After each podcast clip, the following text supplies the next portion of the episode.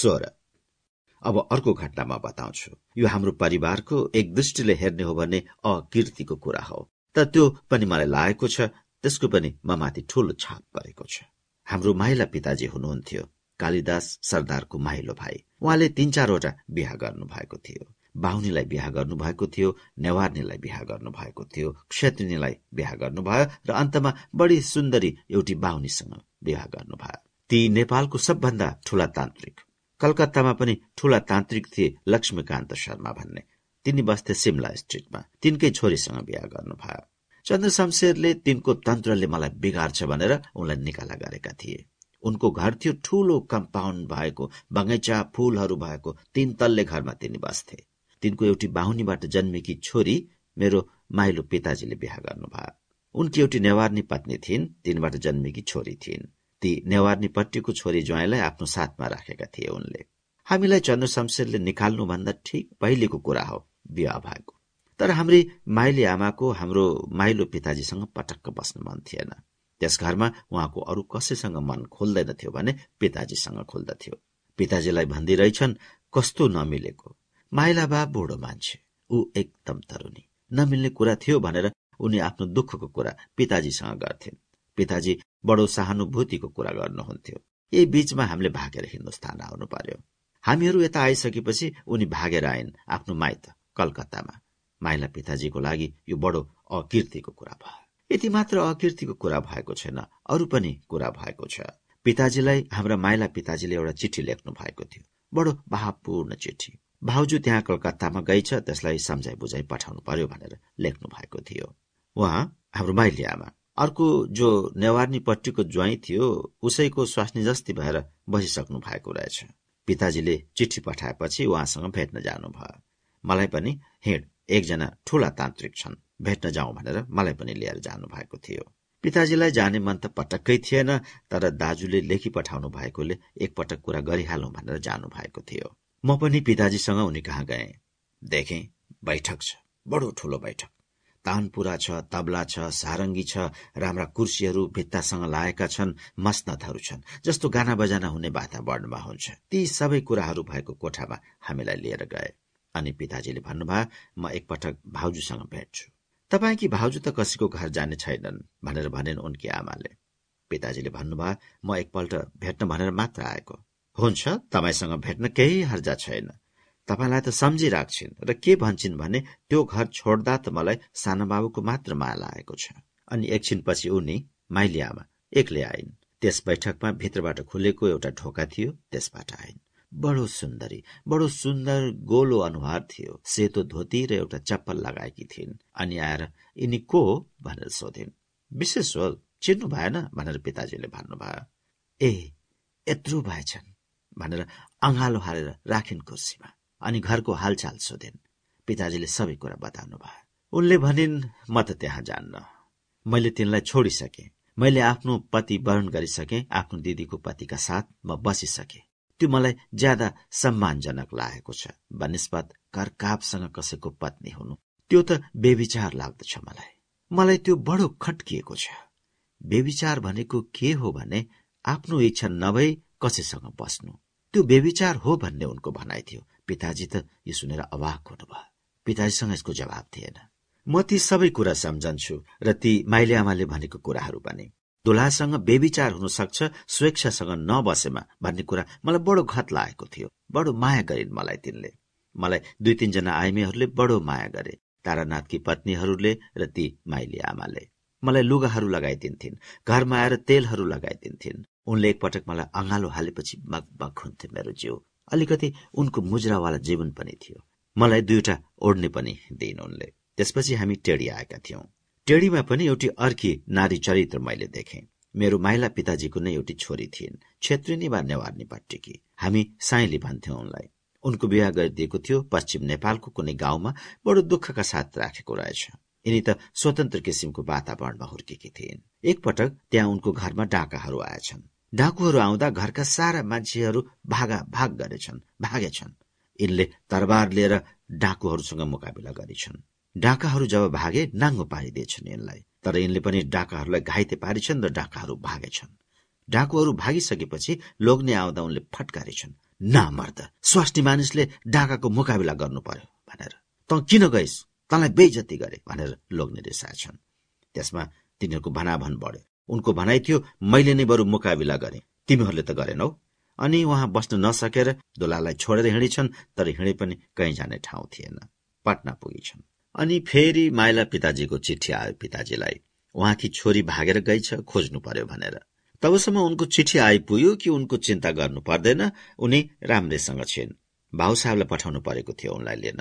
उनी कसरी बसेकी थिइन् कोसँग बसेकी थिइन् भन्ने कुरा थाहा भएन। तर बाबु साहेबले उनलाई उनी हराएको दस पन्ध्र दिनपछि लिएर आए।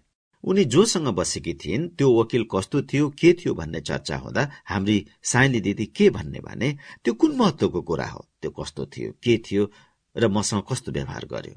यो म त्यस बखतको कुरा गर्दैछु उनी भन्थिन् दुलाको व्यवहार मैले खपेर बस्ने रे।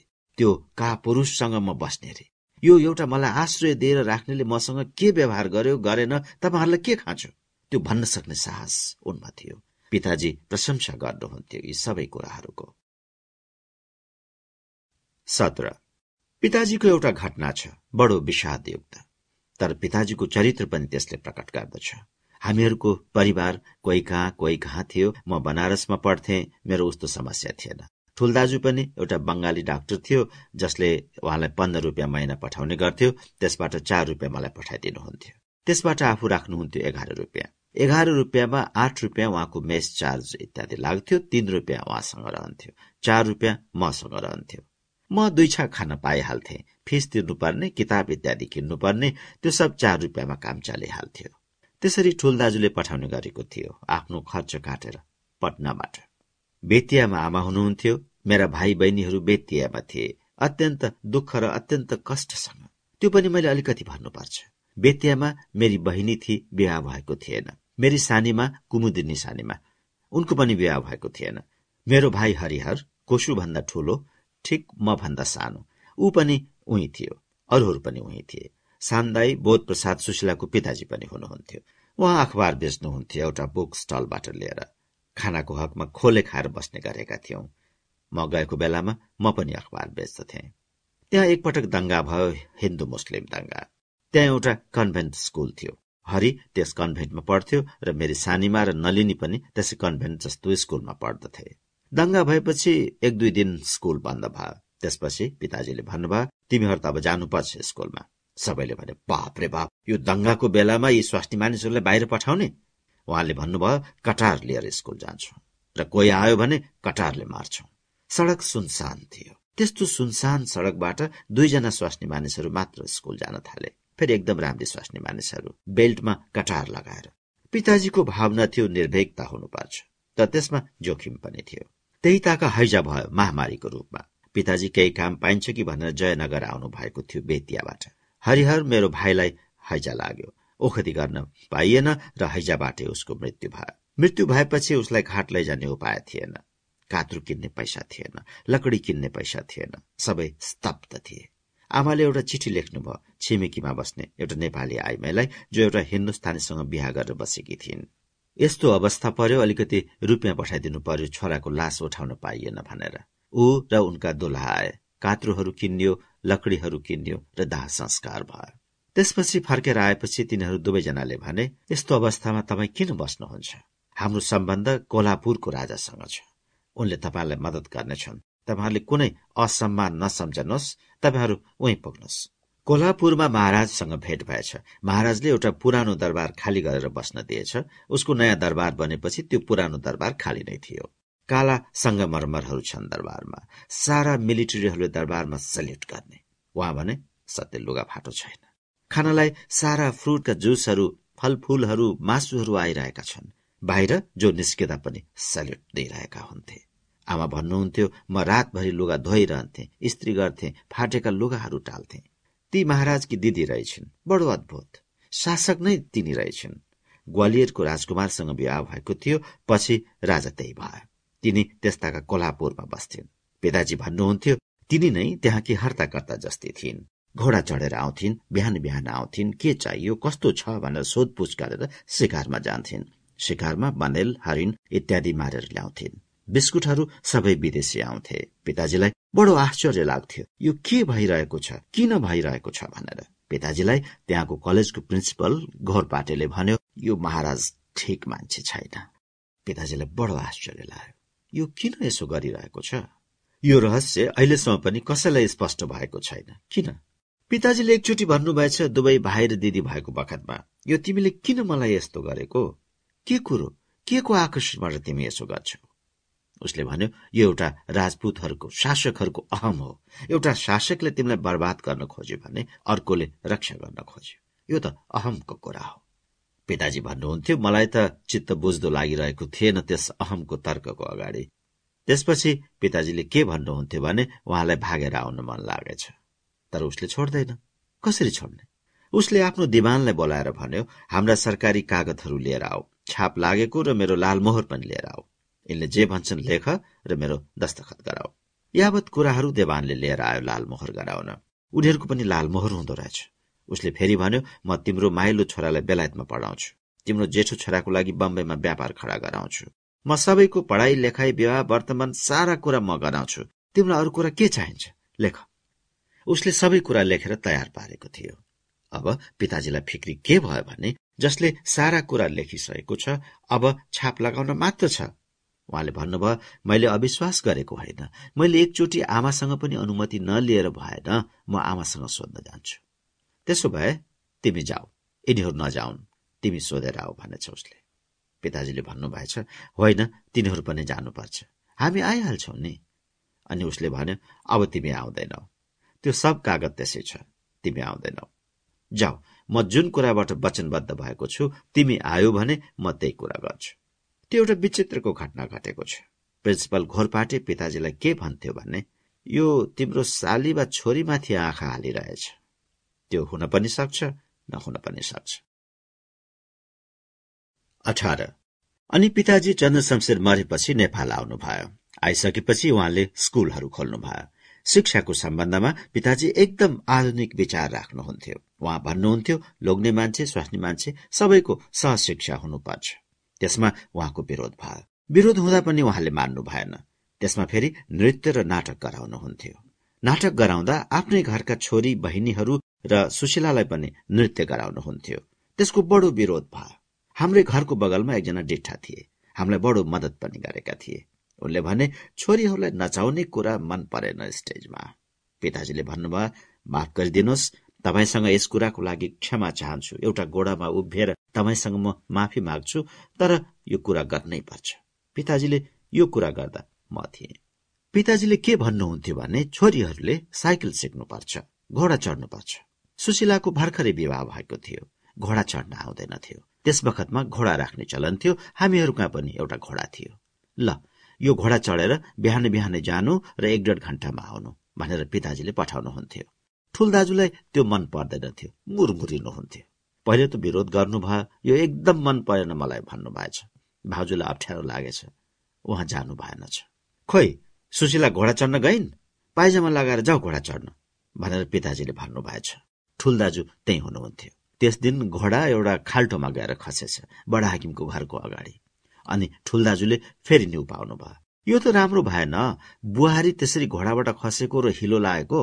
त्यसबेला पिताजीले भन्नुभएको मैले सम्झेको छु। घोडा चढ्ने मान्छे लड्छ। जमिनमा घोडा टेकेर बस्ने मान्छे त कहिले पनि लड्दैन। त्यसरी पिताजीको अभिव्यक्ति हुन्थ्यो यस्ता कुराहरूमा। पिताजीको एउटा आदर्श वाक्य थियो। उहाँको एउटा बडो राम्रो कन्तुर थियो। पहिले उहाँ धनी भएको बखतमा कलकत्ताको एउटा पसलमा किन्नु भएको थियो। त्यसमा पिताजीले के लेख्नु भएको थियो भने आँट गर म पुर्याउँछु। अर्ध चन्द्राकार वृत्तमा त्यो लेखिएको थियो। कन्तुर खोल्ना साथ त्यो देखिन्थ्यो। त्यो ईश्वरले भनेको हो भन्नुहुन्थ्यो उहाँ। तिमी आँट गर म तिम्रो काम पूरा गर्छु। त्यो थियो उहाँको दृष्टिकोण। भीम शमशेर प्रधानमन्त्री भएपछि पिताजीलाई उनले बोलाएका थिए। भीम शमशेरले उहाँलाई सोधे तिमी कसरी बसोबास गर्छौ? पैसा कति दिने? पिताजीले भन्नुभएछ केही दिनु पर्दैन। म व्यापार गर्छु। त्यसैबाट म व्यवस्था गर्छु। यहाँ आउने अनुमति सरकारले बक्स्यो। त्यो नै मलाई ठूलो कृपा भयो। भीम शमशेर मान्थे पनि उहाँलाई। पिताजीले सोच्नुभयो के व्यापार म गरौं जो नौलो हुन्छ? अरूले गरेको व्यापार धान चामल निकासी पैठारीमा उहाँलाई रुचि थिएन। एउटा जडी जो पागलपनको औषधि बनाउन काम लाग्छ यसको बडो चर्चा भइरहेको थियो। चाड मडुवा रकफेयर सर्पेन्टेना हाम्रो विराटनगरतिर त्यसलाई चाड मडुवा भन्छन्।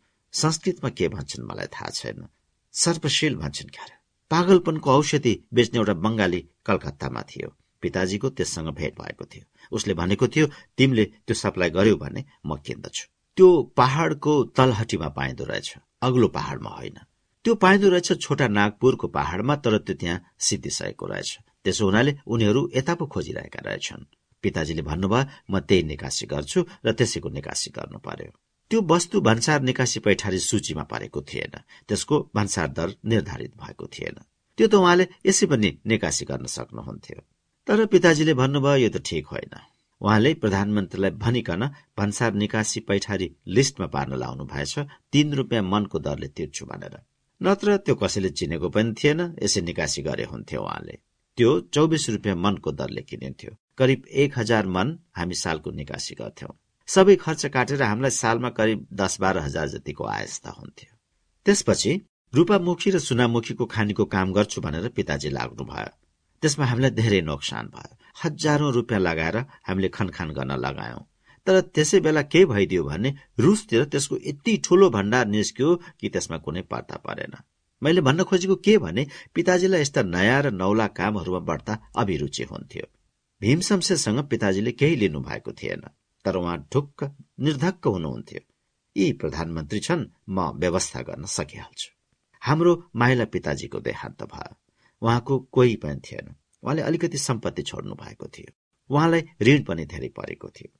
अहिले हामी बसेको विराटनगरको घर उहाँले नै बनाएको हो। त्यसमा हामीहरू बस्थ्यौं। बिस्तारै बिस्तारै पिताजीले आफ्नो आर्थिक अवस्था सुधार्नु भयो। भीम शमशेर साढे दुई वर्षपछि मरे जुद्ध शमशेर प्रधानमन्त्री भए। उनलाई पिताजीले नभेट्नु भएको थियो न चिन्नु भएको। उस बखतमा के चलन थियो भने एउटा प्रधानमन्त्रीको चाकरी गर्नेलाई अर्को प्रधानमन्त्रीले फ्याँक्ने पन्छाउने झेक्ने पिताजीलाई लागेछ अब जुद्ध शमशेरले के गर्ने हो के? पिताजीलाई पहिले लागेका मुद्दाहरू खारेज भएकै थिएन। अढाई वर्षसम्म पिताजीले त्यसमा ध्यान पनि दिनु भएको थिएन। त्यसमा पिताजी अलि चिन्तित पनि हुनुहुँदो रहेछ। बुनु त्यही ताका जन्मेकी थिए। बीस एक्काइस दिन जति भएको थियो उनी प्रधानमन्त्री भएको। पिताजी चाकरीमा जानु भएको थिएन। त्यस कुराको उनले विचार गर्दैछन्। पिताजी नगएको। अनि आफ्नो आठ पहरियालाई पठाए। कृष्ण प्रसादलाई बोलाएर ल्याऊ भनेर। आमा भन्नुहुन्थ्यो जब बोलाउनु भन्ने खबर आयो पिताजी अब फर्कनुहुन्न भन्ने लाग्यो। पिताजी आफ्नो लुगा लगाएर जानुभयो उताको उतै थुन्छ भनेर। जुद्ध शमशेर त्यस बेलासम्म जाउला खेलमा नै थिए।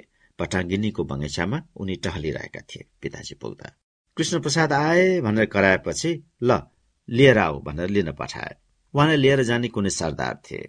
जुद्ध शमशेरले पिताजीलाई देखेपछि सोधेछन् तिमी किन आएनौ म प्रधानमन्त्री भएपछि। पिताजीले भन्नुभएछ मैले सरकारलाई चिनेको थिइनँ मैले चाकरी पनि गरेको थिइनँ त्यसो हुनाले म आउन सकिन। अब म प्रधानमन्त्री भए। के भन्ठान्छौ? म के गरौंला? पिताजीलाई सबैले ठान्दथे उहाँ बडो सुधारवादी हुनुहुन्छ। जुद्ध शमशेरले त्यसरी सोधेपछि पिताजीले भन्नुहुन्थ्यो उहाँलाई के लाग्यो भने उहाँलाई देउताले नै बोलायो उहाँले भन्नुभएछ सरकार आजसम्म प्रधानमन्त्रीहरूले के गरे? आफ्नो छोराहरूको आफ्नो घरको मात्र इन्तजाम गरे। देशको त गरेनन्। अब त भए जनतालाई के छ भने सरकारका एक्काइस जना छोराहरू छन्। अब त सरकार जनता तबाह हुने भयो। पिताजीले भन्दै जानु भएछ उनी सुन्दै गएछन्। पिताजी भन्नुहुन्थ्यो मलाई के साहस भयो कुन्नी? मैले त्यही भने।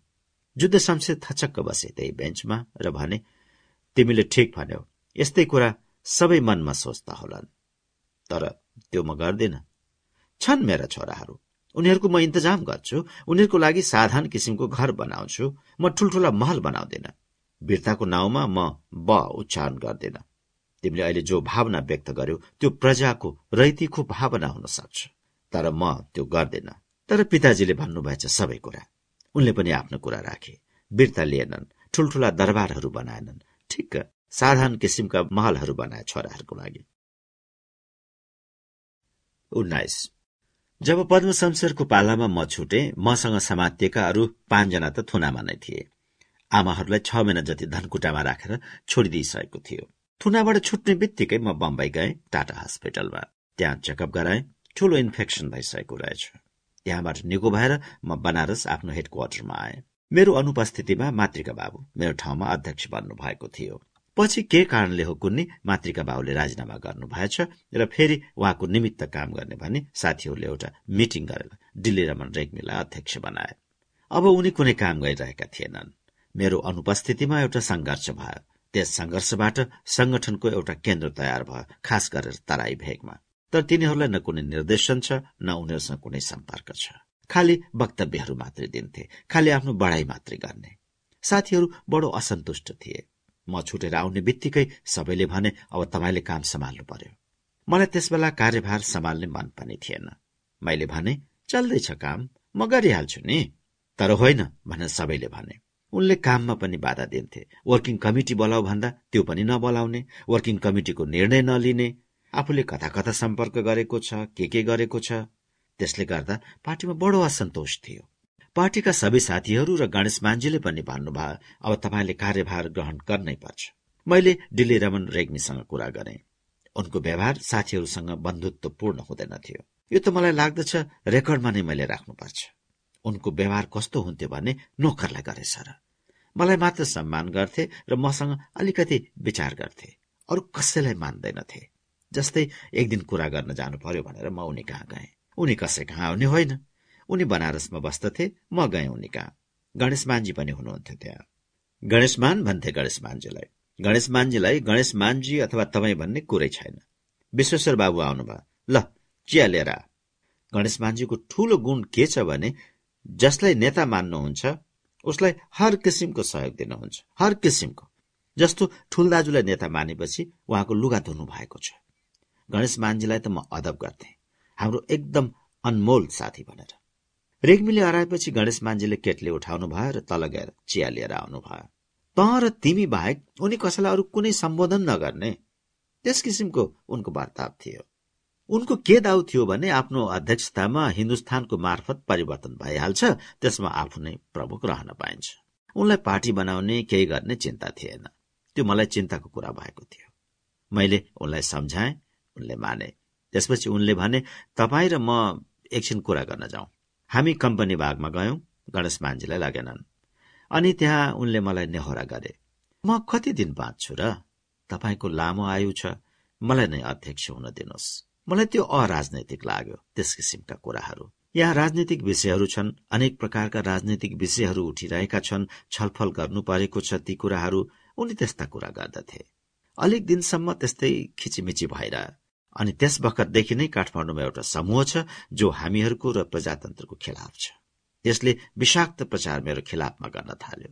सबैलाई छाडेर त्यो प्रचार दिल्ली रमन रेग्मीको पक्षमा हुन थाल्यो। त्यही पृष्ठभूमिमा मैले कार्य सम्हाले। मैले कार्यभार सम्हालेपछि त झन् यो आफ्नो पदको लागि भनेर चर्को कुरा हुन थाल्यो। मैले वर्किङ कमिटी बोलाएँ अनि जे आफ्नो गर्ने तरिका छ गर्न लागे। सिमानाहरूको भ्रमण गर्न लागे। सिमाना सिमानामा मिटिङहरू हुन थाले। तर काठमाडौँमा भने त्यहाँका मानिसहरू जहिले पनि बीचमा बस्ने। काठमाडौँका मानिसहरू जहिले जहिले पनि बीचमा बस्ने। जता सजिलो उतै हाम फाल्ने किसिमको प्रवृत्ति भएको। प्रचार मेरो विरुद्धमा के गर्थे भने प्रजातन्त्रको लागि के हुन्थ्यो?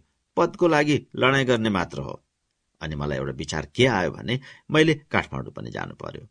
खतराको बखत थियो। उन्नाइस सय सत्तालिसको सेप्टेम्बर अक्टोबरतिर छुटेको थिएँ। त्यसपछि मार्चसम्म उन्नाइस सय अडचालिसको मार्चसम्म त दिल्ली रमन रेग्मीसँग झगडेको कुरा हुँदै रह्यो। उन्नाइस सय अडचालिसको कुरा हो मलाई एउटा विचार आउन थाल्यो। काठमाडौँलाई संगठित नगरी हुँदैन किनभने काठमाडौँमा राणाहरूको ठूलो प्रभाव थियो। उनीहरूले चलाउने हल्लाहरू हुन्थे। मलाई कता कता यो अनुभव हुन थाल्यो कि त्यसमा सजिलो भइदिएका छन् दिल्ली रमन रेग्मी जो पछि प्रमाणित पनि भएको छ। यहाँ प्रचार गर्ने माध्यम पनि उस्तै त्यसो हुनाले एकपटक काठमाडौँ जानुपर्छ भन्ने मलाई लाग्यो। काठमाडौँमा पनि त्यहाँका मानिसहरूले एउटा ग्रुप बनाएका थिए। त्रिपुवर सिंह त्यसका अध्यक्ष थिए। त्रिपुवरसँग हाम्रो सम्पर्क थियो उनी हाम्रा सदस्य थिए। अनि मैले काठमाडौँ जानुपर्छ भन्ने निश्चय गरे। यो कुरा अरू कसैलाई भनेको थिएन। गणेश मान्जीलाई भनेको थिएँ। गणेश मान्जीलाई भनेको थिएँ रुद्रगिरी र गोपाल प्रसाद भट्टराई तीन चारजनासँग सल्लाह गरेको थिएँ। र उनीहरूले पनि जानुपर्छ भनेर म जाने कृष्ण प्रसाद भट्टराई जाने र हामीलाई गाइड गर्न केदारमान बेथित जाने भन्ने निश्चय भयो। केदारमान व्यथितको पनि एउटा कथा छ। केदारमान व्यथित र होरा प्रसाद जोशी एक दिन बनारसमा गर्मीको बखतमा दुईजना आए। गर्मीको बखत थियो। जति काठमाडौँबाट आउँथे बडो रहस्यात्मक ढंगबाट आउँथे र बडो भारी क्रान्तिको पोको बोकेर आएका छन् जस्तो गरेर। बिपीसँग त पछि भेट्छौ भनेर गणेश मान्जीसँग पहिला भेटे। त्यो पद्म शमशेर छँदैको कुरा हो। पद्म शमशेरलाई काठमाडौँमा टेक्न गाह्रो परेछ। पद्म शमशेरले हिन्दुस्तानमा खबर पठाएका थिए मोहन शमशेरले मलाई मार्छन् मेरो ज्यान खतरामा छ भनेर। उनी राजकीय भ्रमणमा हिन्दुस्तान आएका थिए। जवाहरलाल नेहरूले मलाई के भने भने म त उनलाई दबाब दिँदैछु जाऊ भनेर। उनी रहे भने तिमीहरूलाई सजिलो हुन्छ। यी हट्यो भने त गाह्रो हुन्छ। त्यसो हुनाले तिनीहरूलाई केही न केही आश्वासन दिइकन तिमीहरूले फर्काउनु पर्छ त्यसो हुनाले जब ती कलकत्ता आएका थिए म पद्म शमशेरलाई भेट्न गएको थिएँ। पद्म शमशेर असाध्यै डर छेरुवा थिए। उनको अवस्था कस्तो थियो भने मसँग करिब एक सवा घण्टा कुरा गर्दा चार पाँचचोटि पिसाब गर्न गए। दस पन्ध्रचोटि रोए तिनले। मैले सोचे यस्तो मानिसले के गर्न सक्छ? मैले जवाहरलालजीलाई त्यो कुरा भने। यिनले जवाहरलाल नेहरूलाई भनिकन श्री प्रकाशलाई नेपालमा मगाएका थिए एउटा संविधान बनाउन मदत गरिदेऊ भनिकन। पञ्चायत संविधान। त्यसलाई हामीले मानेनौ। त्यसपछि उनी नेपाल फर्केनन् हिन्दुस्तानमै बसे।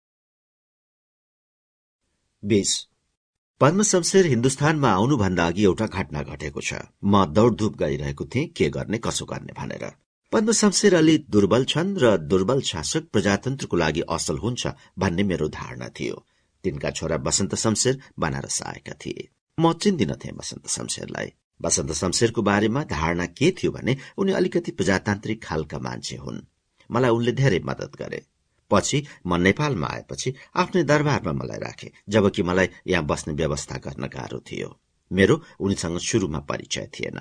उनी बनारसका एकजना ठूलो रइस माधवराज सन्ड भन्नेको पाहुना भएर बसेका थिए। त्यस बखत बाबु मैया युनिभर्सिटीमा पढ्दै थिइन्। बीएमा हो क्यारे। मैले बाबु मैयालाई भने तिमी विद्यार्थीहरूको तर्फबाट जाऊ र भन कि बीपी कोइराला तपाईँसँग भेट्न चाहन्छन्। उनी गइन् र भेटिन्। उनी बसेका रहेछन् युनिभर्सिटीतिर घाटको एउटा ठूलो घरमा। उनी गइन् एकजना नेपाली विद्यार्थी भेट्न आएको भनेछन्। उनले तुरन्तै भेटेछन्। एक्लै थिएन उनी। उनले भनेछन् बीपी कोइराला तपाईँसँग भेट्न चाहनुहुन्छ। उनले भने म पनि भेट्न चाहन्छु उनलाई। कसरी भेट्ने? भन्नुहोस् तपाईँले कसरी भेट्ने भनेर। उनी त यहाँ पनि आउनु तयार छन् भनेर बाबु मैयाले भनेछन्। उनले भने यहाँ भेट्ने त कुनै माने नै हुँदैन। उनीहरूको निषाद सिनेमा हलमा सिनेमा हेर्न जाने प्रोग्राम रहेछ भोलिपल्ट बेलुका। उनले के भने भने म निषादमा आउँछु कारमा तिमी निषादको अगाडि नै उभिरहनु बीपी कोइरालालाई लिएर।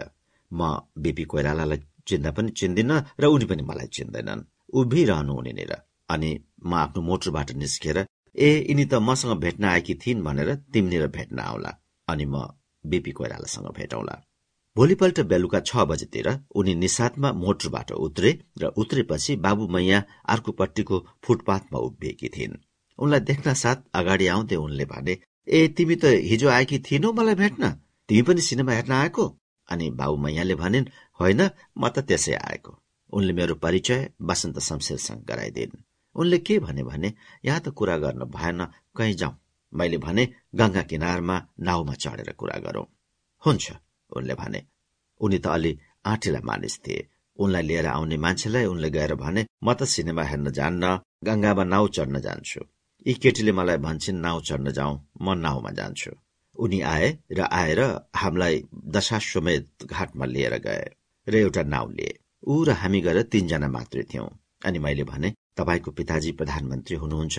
यही बखतमा केही कुरा हुन सके राम्रो हुन्थ्यो। नत्र अबेर भयो भने राम्रो हुँदैन। यसो त बसन्त शमशेरको आफ्नो बाबुसँग राम्रो सम्बन्ध थिएन।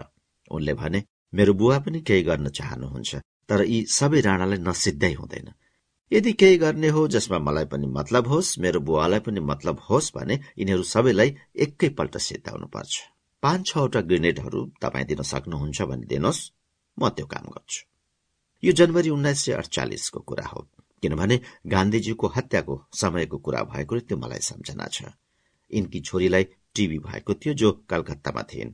उनको कुरा सुनेर मैले भने कसरी? कसरी तपाईँ त्यो गर्नुहुन्छ? प्रत्येक साँझ चाकरीमा आउँछन्। कमाण्डर इन चिफ लगायत सबैजना मोहन शमशेर लगायत सबै। उनीहरू जम्मा भइसकेपछि झ्यालझ्यालबाट पाँच छवटा ह्यान्ड ग्रेनेडहरू फाल्नुपर्छ। मैले भने तपाईँको बुवा पनि त मर्छन् नै।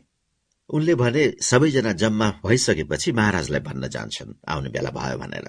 त्यही बखतमा हामी फ्याँक्छौं त्यसो हुनाले छवटा शक्तिशाली ह्यान्ड ग्रेनेडहरू दिन सक्नुभयो भने म त्यो काम गर्न सक्छु।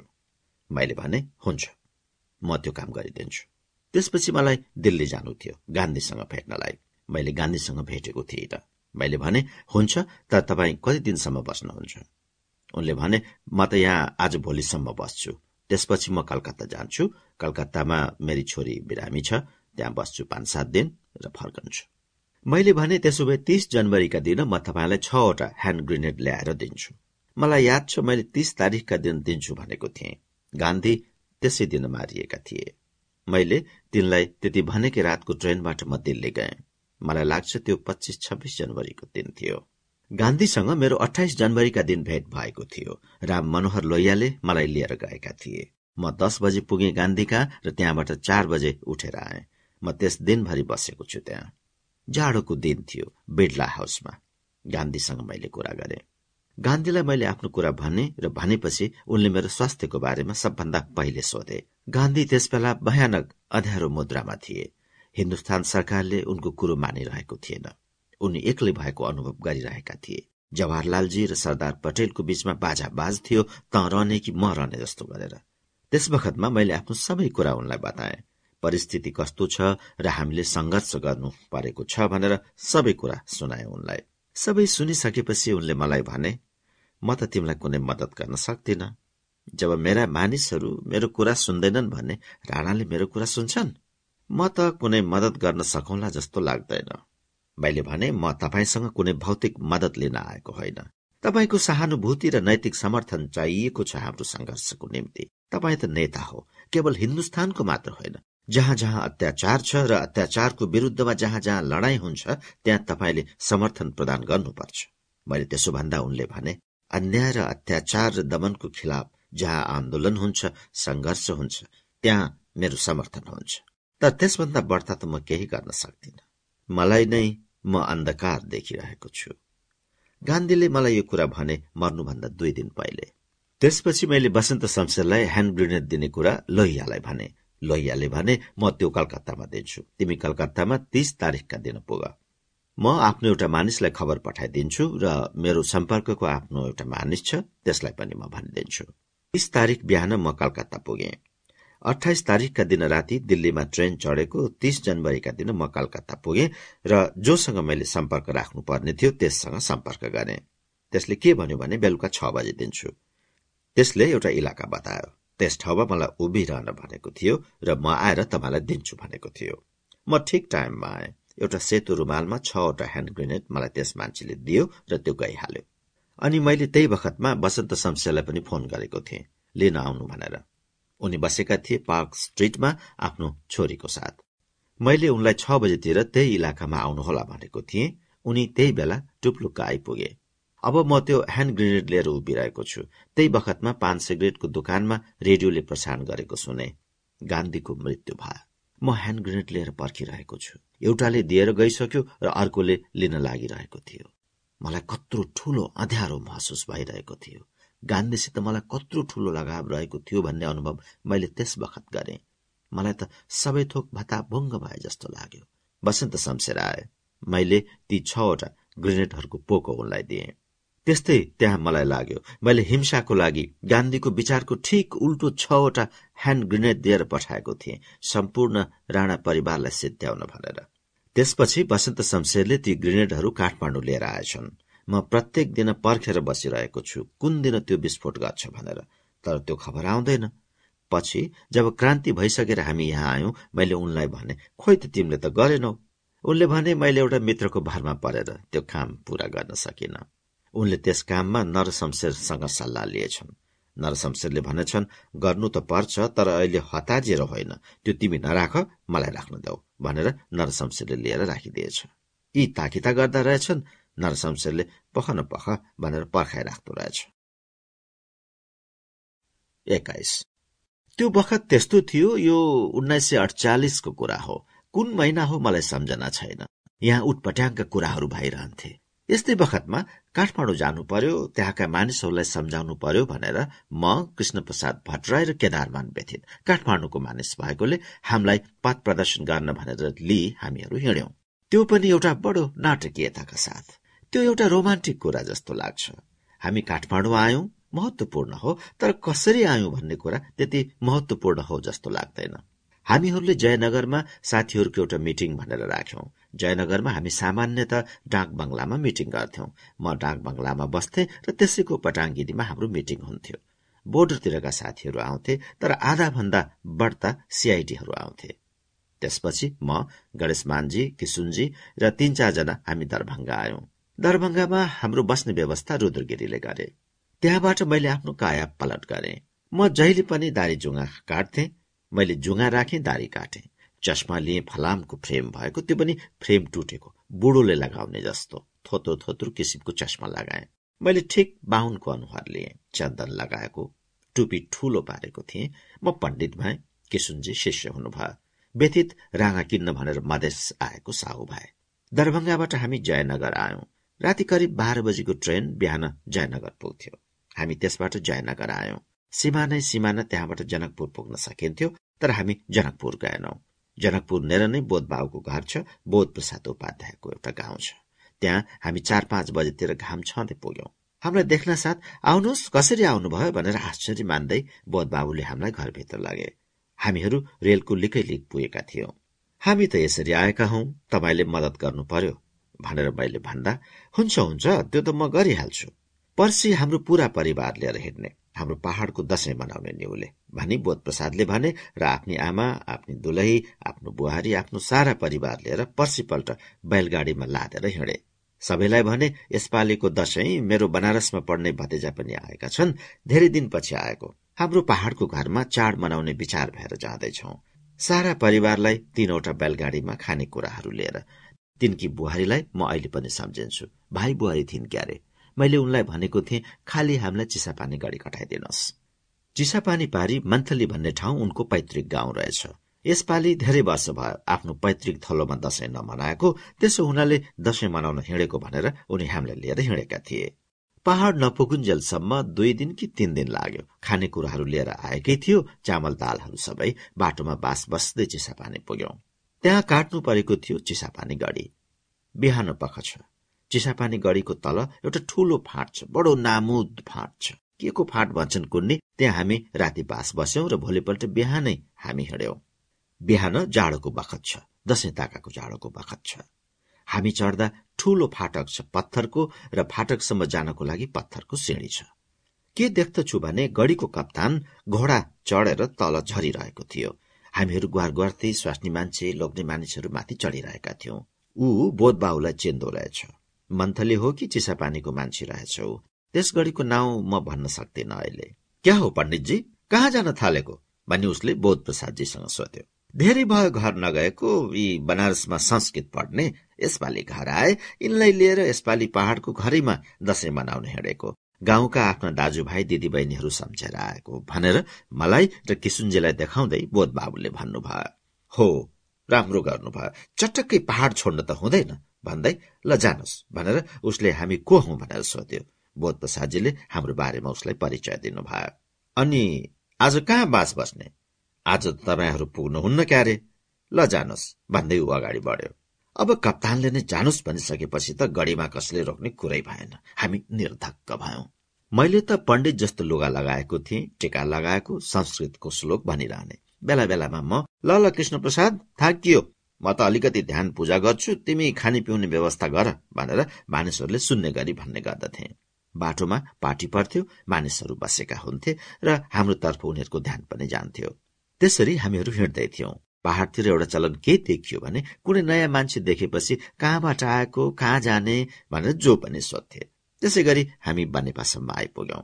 बनेपामा आइपुग्न लाग्दा मैले भने अब यो धेरै बोझ लिएर म हिँड्न सक्दिनँ। केही काम नलाग्ने लुगा बाटोमा छोडेर हिँडे। किसुनजीले पनि केही कपडा छाड्नु भयो। केदारमानले सकि नसकी राम्रो कपडाको एउटा पोको राखेका थिए। कश्मीराको कोट राम्रो जुत्ता मैलपोस सुरुवाल टोपी लगाएर त यी पूरा व्यापारी नै भएर हिँडेका थिए। अनि हामीहरू बनेपा आइपुग्यौं। त्यहाँ नाला भन्ने ठाउँमा फेरि एउटा ठूलो चौकी थियो। जसरी भीमफेदीबाट माथि आउने गढीमा चौकी थियो त्यसै गरी काठमाडौँ चार भज्याङको एक भन्ज्याङ त्यो पनि पर्दो रहेछ। तर त्यहाँ जुवा चलिरहेको थियो। अब त्यसलाई कसरी पार गर्ने भन्ने समस्या थियो। उनी त्यही समस्या छलफल गरिरहेका रहेछन्। पूर्णबहादुरका भाइले हामीहरूलाई निकै मद्दत गरे। उनले के भने भने म पनि काठमाडौँ जान्छु। तपाईँ र म अगाडि अगाडि जाउँ उनीहरू पछि पछि आउन् भनेर उनले भने। अब गुरु र चेला जस्तो भएर हिँड्नुहोस् सबै जुवामा रमिएका छन्। कसैले पनि सोध्दैन पनि र सोधे पनि उहाँले जवाब दिइहाल्नुहुन्छ। त्यो कटाइसकेपछि मेरो दाजु कहाँ बस्नुपर्छ रातिमा भनेर उनले भने। राति कहाँ बस्ने? त्यो पनि हामीलाई थाहा थिएन। बनेपाबाट हिँडेपछि भक्तपुर पुगिन्छ त्यहाँ रातिमा ट्रक पाइन्छ। ट्रकमा चढेर राति नै काठमाडौँ पुगिन्छ भनेर उनले भने। दशैं बितिसकेको थियो र तिहारतिरको बेला थियो। त्यहाँ देखे कि ठिक बाटोमा साँगुरो बाटो छ त्यस गढीमा जुवा जमिरहेको छ। र त्यसमा पुलिस पनि च्याखे थापिरहेका छन् रमाइरहेका छन्। पुलिसको चौकी छ त्यहाँ। मैले रातो टिका लगाएको थिएँ निधारमा। कतै जजमानी गरेर आए जस्तो लागोस् भनेर मैले रातो टिका लगाइरहेको थिएँ। बोतोमा पैसा अक्षता लिए जस्तो गरेर बोतो पनि लिएको छु एउटा हातमा। अब त्यस बाटोमा कसरी अगाडि जाने भन्ने समस्या थियो। होइन अलिकति च्याखे हालौ न भनेर मैले त्यहाँ भने।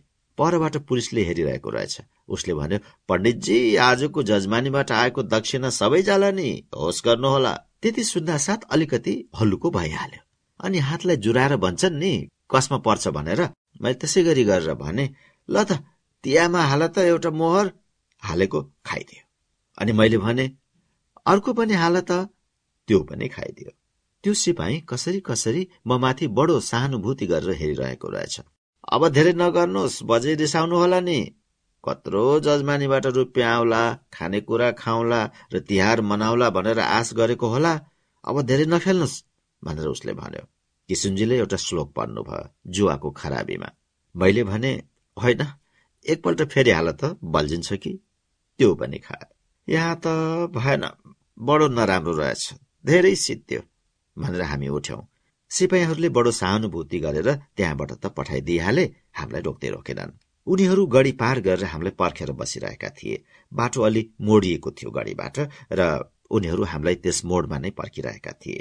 मोटर त त्यहाँसम्म पनि जान्थ्यो तर वर्षातले गर्दा बाटो बिग्रेर मोटर आउँदैनथ्यो हामी हिँडेर सात बजेतिर भक्तपुर पुग्यौं। भक्तपुरमा ज्यामीहरू ओसार्ने सड़कमा काम गर्नेहरूलाई लिएर फर्कन लागेको एउटा भरिएको ट्रक रहेछ।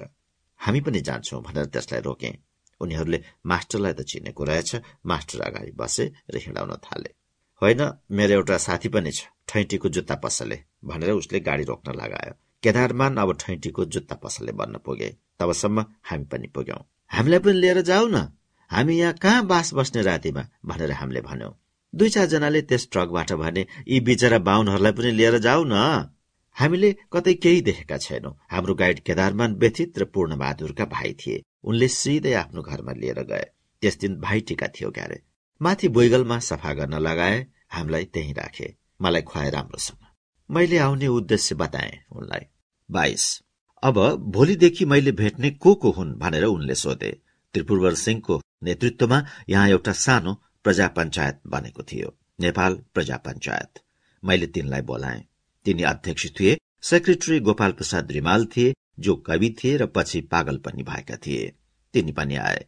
त्रिपुरबल सिंहले नै लिएर आए। तिनलाई मैले बोलाएको थिइनँ र तिनलाई मैले चिनेको पनि थिइनँ। अनि दिनभरि त त्यहाँ बसे पूर्ण बहादुर कहाँ। त्यसपछि उनले राति अन्त्य बस्नुपर्छ भनेर म अन्त सरे। मलाई गाइड गर्ने मानिस जो थिए त्यसमा दुईजना महत्वपूर्ण थिए प्रजा परिषदका बखतमा। एउटा सुन्दर भन्ने र अर्कोको नाउँ म जान्दिन। उनीहरूले मलाई बस्ने घर ठिक गरे। केदारमान व्यथितको मार्फत एक ठाउँबाट अर्को ठाउँ र अर्को ठाउँबाट फेरि अर्को ठाउँ गरेर एक दुई दिन एक दुई दिन गरेर बस्न थाले। म जहाँ जहाँ बसे त्यो निम्न मध्यमवर्गीय नेवारहरूको घर थियो। प्राय तिनीहरू सरकारी सेवामा सानो दर्जाका कारिन्दाहरूका परिवारहरू थिए। त्यस बखतमा मलाई थाहा भयो कि अति दयनीय अवस्थामा यहाँका सहरवासीहरू बसेका छन्। हामी मधेसमा बसेका मानिसहरूलाई अन्दाज हुन सक्दैनथ्यो। त्यस किसिमको दयनीयता। बाहिर देख्दा राम्रो लुगा लगाएर हिँड्ने भित्र उनीहरू कसैले दुध खाएको मैले देखिन। त्यस बेलामा म यहाँ करिब दस पन्ध्रवटा घरहरूमा बसेको थिएँ। दुध खाने चलन भनेको देखिन। दाल भात र जाडोको दिन थियो र आएको साग। भात असाध्यै बेसी खाँदा रहेछन् अनि अलिकति दाल र अलिकति रायोको साग र खुर्सानी मेरो अधिकांश बसाई बुइगलमाथि हुन्थ्यो। घरमाथि एउटा बुइगल भन्ने तल्ला हुन्छ त्यसैमा म बस्दथे। एक दुईचोटि भने अलि धनी मानिसहरू कहाँ पनि बसे। एकचोटि म गएँ त्रिपुरवर कहाँ खानको लागि पुरा परिवारसँग बसेर खानको लागि। जाँदाखेरि तिनको पर्खाल नागेर गएको थिए। यसरी एक किसिमको रोमान्टिक काम भएको थियो। म काठमाडौँ गणेशस्थाननिरको एउटा मानिस कहाँ पनि बसेको थिएँ। उनीहरूको बारेमा गणेश मान्जीलाई राम्रोसँग थाहा छ। उनीहरू अलिक खाता पिता मान्छे थिए। उनीहरूले मलाई र्याक र्याक्ती पारेका थिए। तिमी राजावादी हो भनेर। त्रिपुरबजीको अध्यक्षतामा जुन एउटा सानो संस्था नेपाल प्रजा पञ्चायतको संगठन पर्चाबाजी र मिटिङहरू जो हुन्थे त्यसमा हाम्रो पूरा सहमति थियो। तर त्यो नेपाली काङ्ग्रेसमा गाभियोस् भन्ने हाम्रो इरादा थियो। त्यसमा अलिकति मतभेद पनि थियो। त्रिपुरबर हामीहरूसँग थिए तर अरूहरू त्यसलाई नेपाली काङ्ग्रेसमा समावेश गर्न तयार थिएनन्। यही सब कुराहरू हामीहरू गर्दथ्यौं मैले काठमाडौँ शहरमा त जति सकेको सम्पर्क गरे। अब मलाई दिल्ली बजारतिर र शहरका छेउछाउमा पनि सम्पर्क गर्नु परेको थियो र मैले उता सम्पर्क गर्दा सिंहबहादुर बस्नेतको घरमा मलाई राखे माइती देवीमा। यहाँ पहिले म आउँदा सबभन्दा सक्रिय को थियो भने नरसिंह बहादुर श्रेष्ठ मोहन शमशेरको हजुरियाको छोरो। विद्यार्थी नेताहरू मध्ये नरसिंह बहादुर श्रेष्ठ थियो। अर्को थिए पुकु पुष्कर नाथ उपाध्याय। यिनीहरू प्रमुख थिए त्यहाँका र नरसिंह बहादुर यिनीहरूमा सबभन्दा प्रमुख थिए। म पहिलो पटक समातिँदा मैले भनिसकेको छु पद्म शमशेरको पालामा यिनीहरू मसँग भेट्न आउँदा मैले यिनीहरूसँग सोधेको थिएँ के तिमीहरू किन आएको? यिनै नरसिंह बहादुरले भनेका थिए तपाईँहरूको के निर्देशन छ? के आदेश छ? तिनीहरू थिए दिल्ली बजार तर्फका मानिसहरू। तिनीहरूसँग भेट्न मलाई सिंहबहादुर बस्नेत कहाँ लिएर गए? सिंहबहादुर बस्नेतकी कान्छी आमा थिइन्। विधुवा आमा। बाबुको मृत्यु भइसकेको थियो। अब उनलाई भन्न हुँदैन थियो ती सब कुराहरू। सिंहबहादुर बस्नेतको विवाहको कुरा चलिरहेको रहेछ। सिंहबहादुरले के भनेछन् कान्छी आमालाई भने पहाड़तिरबाट एउटा मान्छे आएको छ छोरी दिने कुरा गर्छ मसँग। त्यसलाई म राख्न थाले। छेडीमा परालहरू बिछ्याइकन त्यसमाथि कार्पेटहरू बिछ्याएर मलाई बस्ने व्यवस्था गरिदिए अनि त्यही मान्छेहरू मलाई भेट्न धमाधम आउन थाले। मेरा जुन विचारहरू थिए उत्तरदायी सरकारको सम्बन्धमा त्यसलाई म बुझाउन थाले। म त्यस बेलामा जोड केमा गर्थे भने जनताको सक्रियताबाट प्रजातन्त्र स्थापित हुन्छ र हामीहरूको उद्देश्य उत्तरदायी सरकार हुनुपर्छ। त्यस बखतमा हाम्रो प्रजातन्त्र भन्दा पनि उत्तरदायी शासनमा जोड थियो नागरिक स्वतन्त्रता र उत्तरदायी शासनमा। म बताउँथे तिनीहरूलाई कि नेपाली कांग्रेस भनेको हामीहरू भएको पार्टी हो। त्यस बेलामा दुई नेपाली काङ्ग्रेस भएको थियो। दिल्ली रमन रेग्मीले पनि आफूलाई नेपाली काङ्ग्रेस भन्ने र हामीहरू पनि नेपाली काङ्ग्रेस। त्यसो हुनाले त्यो कुरा पनि म स्पष्ट गर्थे। गणेश मानजीको नाउँ लिँदा त यहाँका मानिसहरूले भनेका छन् त्यो त मूर्ख मान्छे हो। मलाई एउटा विरक्ति लाग्छ यो सब कुराबाट। यहाँका बुद्धिजीवीहरू र पैसावाल मान्छेहरूदेखि र त्यो विरक्ति मेरो आजसम्म छ। गणेश मानजीको नाउँ लिँदा त्यो मूर्ख मान्छे हो भनेका छन्। मैले भने गणेश मान्छे कसरी स्वीकार गर्न सक्नुहोला तपाईँहरूले भनेका कुराहरू? तिनीहरू नेवार नै थिए। यसै सन्दर्भमा मलाई लाग्यो कि हामीहरूले संघर्षको दरम्यान कुनै न कुनै बिन्दुमा त मोहन शमशेरसँग हाम्रो सम्पर्क त हुन्छ हुन्छ। त्यसो हुनाले मैले भन्ठाने त्यस कामको लागि एउटा माध्यम चाहिन्छ र एउटा माध्यम कायम गर्नु पर्दछ अब त्यो कसरी गर्ने? विजय शमशेरको छोरालाई डाकुर दाजु पढाउनुहुन्थ्यो। मेरो तरिका के थियो भने रातिको तोप पड्किएपछि म एउटा घर छोडेर अर्को घरमा जान्थे। ढाकुर दाजु कहाँ बस्नुहुन्छ भन्ने मलाई पटक्कै थाहा थिएन। मान्छेहरू भन्थे फलाना ठाउँ फलाना ठाउँ। तर मेरो कत्रो अनुमान थियो भने मैले नबिराइकन उहीँको कोठाको ढोका तल गएर ड्याङ ड्याङ गरे। को भनेर माथिबाट कराउनु भयो। तल खोल्नु पर्यो? चाँडै खोल्नु पर्यो? भनेर मैले भने। ढोका खोलेर मलाई भित्र लिएर जानुभयो किन आएको? भन्नुभयो उहाँलाई थाहा थियो म किन आएको भनेर। हल्ली खल्ली भइरहेको थियो म आएको। सरकार मलाई पत्ता लगाउन परेशान भइरहेको सबैलाई थाहा भइसकेको थियो। मैले भने मलाई मोहन शमशेरसँग भेट्नु छ। त्यो मिलाउनु पर्यो। कहाँ मिलाउने भन्नुभयो। मैले भने तपाईँ विजय शमशेरको छोरालाई पढाउनुहुन्छ विजय शमशेरलाई भनेर मिलाउनुहोस्। उहाँ रातभरि घोरिनु भएछ बाजुसँग सल्लाह गर्नु भएछ। मोहन शमशेरका हजुरिया थिए चुडा प्रसाद शर्माका बाबु। ती चन्द्र शमशेरको बडो मन परेका मानिस थिए। तिनलाई म भन्छु तिनले यो काम गर्न सक्लान् भनेर डाकुर दाजुले मलाई भन्नुभयो। मैले भने जे गरेर गर्नुहुन्छ गर्नुहोस् र त्यो भन्नु पर्यो म भेट्न चाहिरहेको छु भनेर। कुरा मिल्यो भने मिलिहाल्यो मिलेन भने मलाई चौबिस घण्टासम्म गिरफ्तार गर्न पाइँदैन। मलाई चौबिस घण्टाको गिरफ्तार नगर्ने ग्यारेन्टी दिनुपर्छ भनेर मैले उहाँलाई भने पठाएको थिएँ। मलाई लागेको थियो त्यो कुरा म विजय शमशेरको मार्फत गरौं भनेर तर उहाँलाई डर लागेछ त्यसलाई भन्न र चुडा प्रसादको बाबुलाई भन्छु भन्नुभयो। हुन्छ म भन्छु पर्सि निपर्सीतिर सानो टुणी खेल अहिलेको रङ्गमञ्च भएको ठाउँ त्यहाँ तल ओर्लनेतिर बाँसको झ्याङ थियो म त्यतै आएको हुन्छु त्रिपुरेश्वरतिरबाट। हातमा पन्जा खुला छ भने ठान्नु कुरा मिलेन। पन्जा लगाएको छ भने मेरो पछि पछि लाग्नु भन्नुभएको थियो उहाँले। उहाँले भनेको बखतमा गएको त पन्जा उहाँको हातमा थिएन र कुरा मिलेन भन्ने देखियो। त्यसपछि त त्यो कुरै भएन। त्यसभन्दा पहिले सुन्दर सिंह मजिठिया थियो भारतीय राजदूत। त्यसलाई मैले भेटेको थिएँ। त्यसको एउटा प्राइभेट सेक्रेटरी थियो। त्यसलाई मैले भने औपचारिक रूपमा त म भेट्दिन गोप्य तौरबाट म भेट्छु। उसको प्राइभेट सेक्रेटरीले के भन्यो भने म खा आउनुहोस् तर मूल ढोकाबाट होइन। त्यसरी म त्यहाँ गएँ त्यो पन्जाबी सिख थियो। त्यसले भन्यो मैले एम्बेसडरसँग भेटेँ र भने तपाईँ अमुक समयमा गल्फ फिल्डमा भेट्नुहोला। उनी गल्फ खेल्न जान्थे। त्यस बखत त्यहाँ एयरपोर्ट थिएन। त्यही सुन्दर सिंह मजिठियाको मात्र एउटा प्लेन ओर्लन्थ्यो एउटा ठूलो गल्फ फिल्ड थियो। त्यही ऊ बेलुकातिर गल्फ खेल्न जान्थ्यो। म पुगेँ ऊ खेलिरहेको थियो। विजय शमशेरहरू पनि थिए। मैले यही होला भनेर अनुमान गरे। अध्यारो अध्यारो भइसकेको थियो। गल्फ सिद्धियो उसले मनेर आएर जाउँ भन्यो। त्यस चौरबाट पशुपतितिर बनैबन झर्ने एउटा बाटो थियो। त्यही बाटो उसले मलाई लिएर हिँड्यो। उसले मलाई के भन्यो भने म महाराजसँग भनिदिन्छु तर तिम्रो सुरक्षाको ग्यारेन्टी लिन्न। मैले भने त्यो सबभन्दा महत्वपूर्ण कुरा हो। तपाईँ मेरो सन्देश प्रधानमन्त्री मोहन शमशेर कहाँ पुर्याइदिनुहोस्। म उनलाई एउटा शर्तमा मात्र भेट्न इच्छुक छु। हाम्रो कुरा मिलेन भने चौबिस घण्टासम्म उनले मलाई गिरफ्तार गर्ने छैनन्। त्यसपछि उनले चाहेको कुरा गर्न उनी स्वतन्त्र हुनेछन्। उनले भने तपाईँलाई थाहा छ यो काम मेरो होइन। म त्यो कसरी भन्न सक्छु? प्रधानमन्त्रीले त त्यो शर्तको कुरा त मान्ने छैनन्। मैले भने तपाईँ सक्नुहुन्छ भने भन्नुहोस् त्यस कुरामा ऊ बडो अनिच्छुक भयो। त्यसपछि मैले डाकुर दाजुलाई भनेको थिएँ चुडा प्रसादको भनेछन् त्यस बखतसम्ममा त म आएको धेरै हल्ला भइसकेको थियो। पुलिस र आठ पहरियाहरू शहरमा छ्यापछ्याप्ती थिए। चुडा प्रसादको बाबुले भनेपछि मोहनले भनेछन् हुन्छ म उसलाई भेट्न तयार छु तर म कुनै शर्त मान्दिन म कुनै शर्त राखेर भेट्दिन। बिना शर्त मसँग भेट्न आउँछ भने म भेट्छु। यो मेरो तजबिजमा रहन्छ कि म उसलाई थुनु कि छाडिदेऊ मैले भने म त त्यो मान्दिन। मैले डाकुर दाजुसँग त्यही खबर भनेर पठाइदिएँ। त्यसपछि झन झन सजग भए मानिस आएको रहेछ भनेर। पहिले त अनुमान मात्रै थियो। अब त झन छ्यापछ्याप्ती खोजी शुरू भयो मेरो। म बसेको थिएँ रक्तकालिनेर। पाल्पाको कमान्डर इन चिफ रुद्र शमशेरको एकजना नाता पर्ने थिए। तिनकी एउटी नेवार्ने दुलै रहेछन्। तिनैको घरमा मलाई राखेका थिए। गणेश मानजीको एउटा नातेदार। पछि हामीहरूलाई मद्दत गर्ने काकाका छोराहरू थिए। त्यस घरमा पनि मलाई राखेका थिए। म गिरफ्तार हुने दिनको भोलिपल्ट म अर्को घरमा जानेवाला थिएँ। त्रिरत्न कहाँ के भइदियो भने मेरो गिरफ्तारी हुनुभन्दा ठिक डेढ घण्टा पहिले पूर्णप्रसाद ब्राह्मण आए। मैले पहिला पटक देखेको थिएँ उनलाई। आए मसँग धेरै कुरा गर्नु छ साहित्यको भनेर। तिनले त्यस्ताको एउटा कथा लेखेका थिए चराचुरुङ्गीको बारेमा। त्यो राम्रो कथा थियो र उनको पहाडी खालको भाषा थियो बडो राम्रो। त्यो कथा मैले सुने।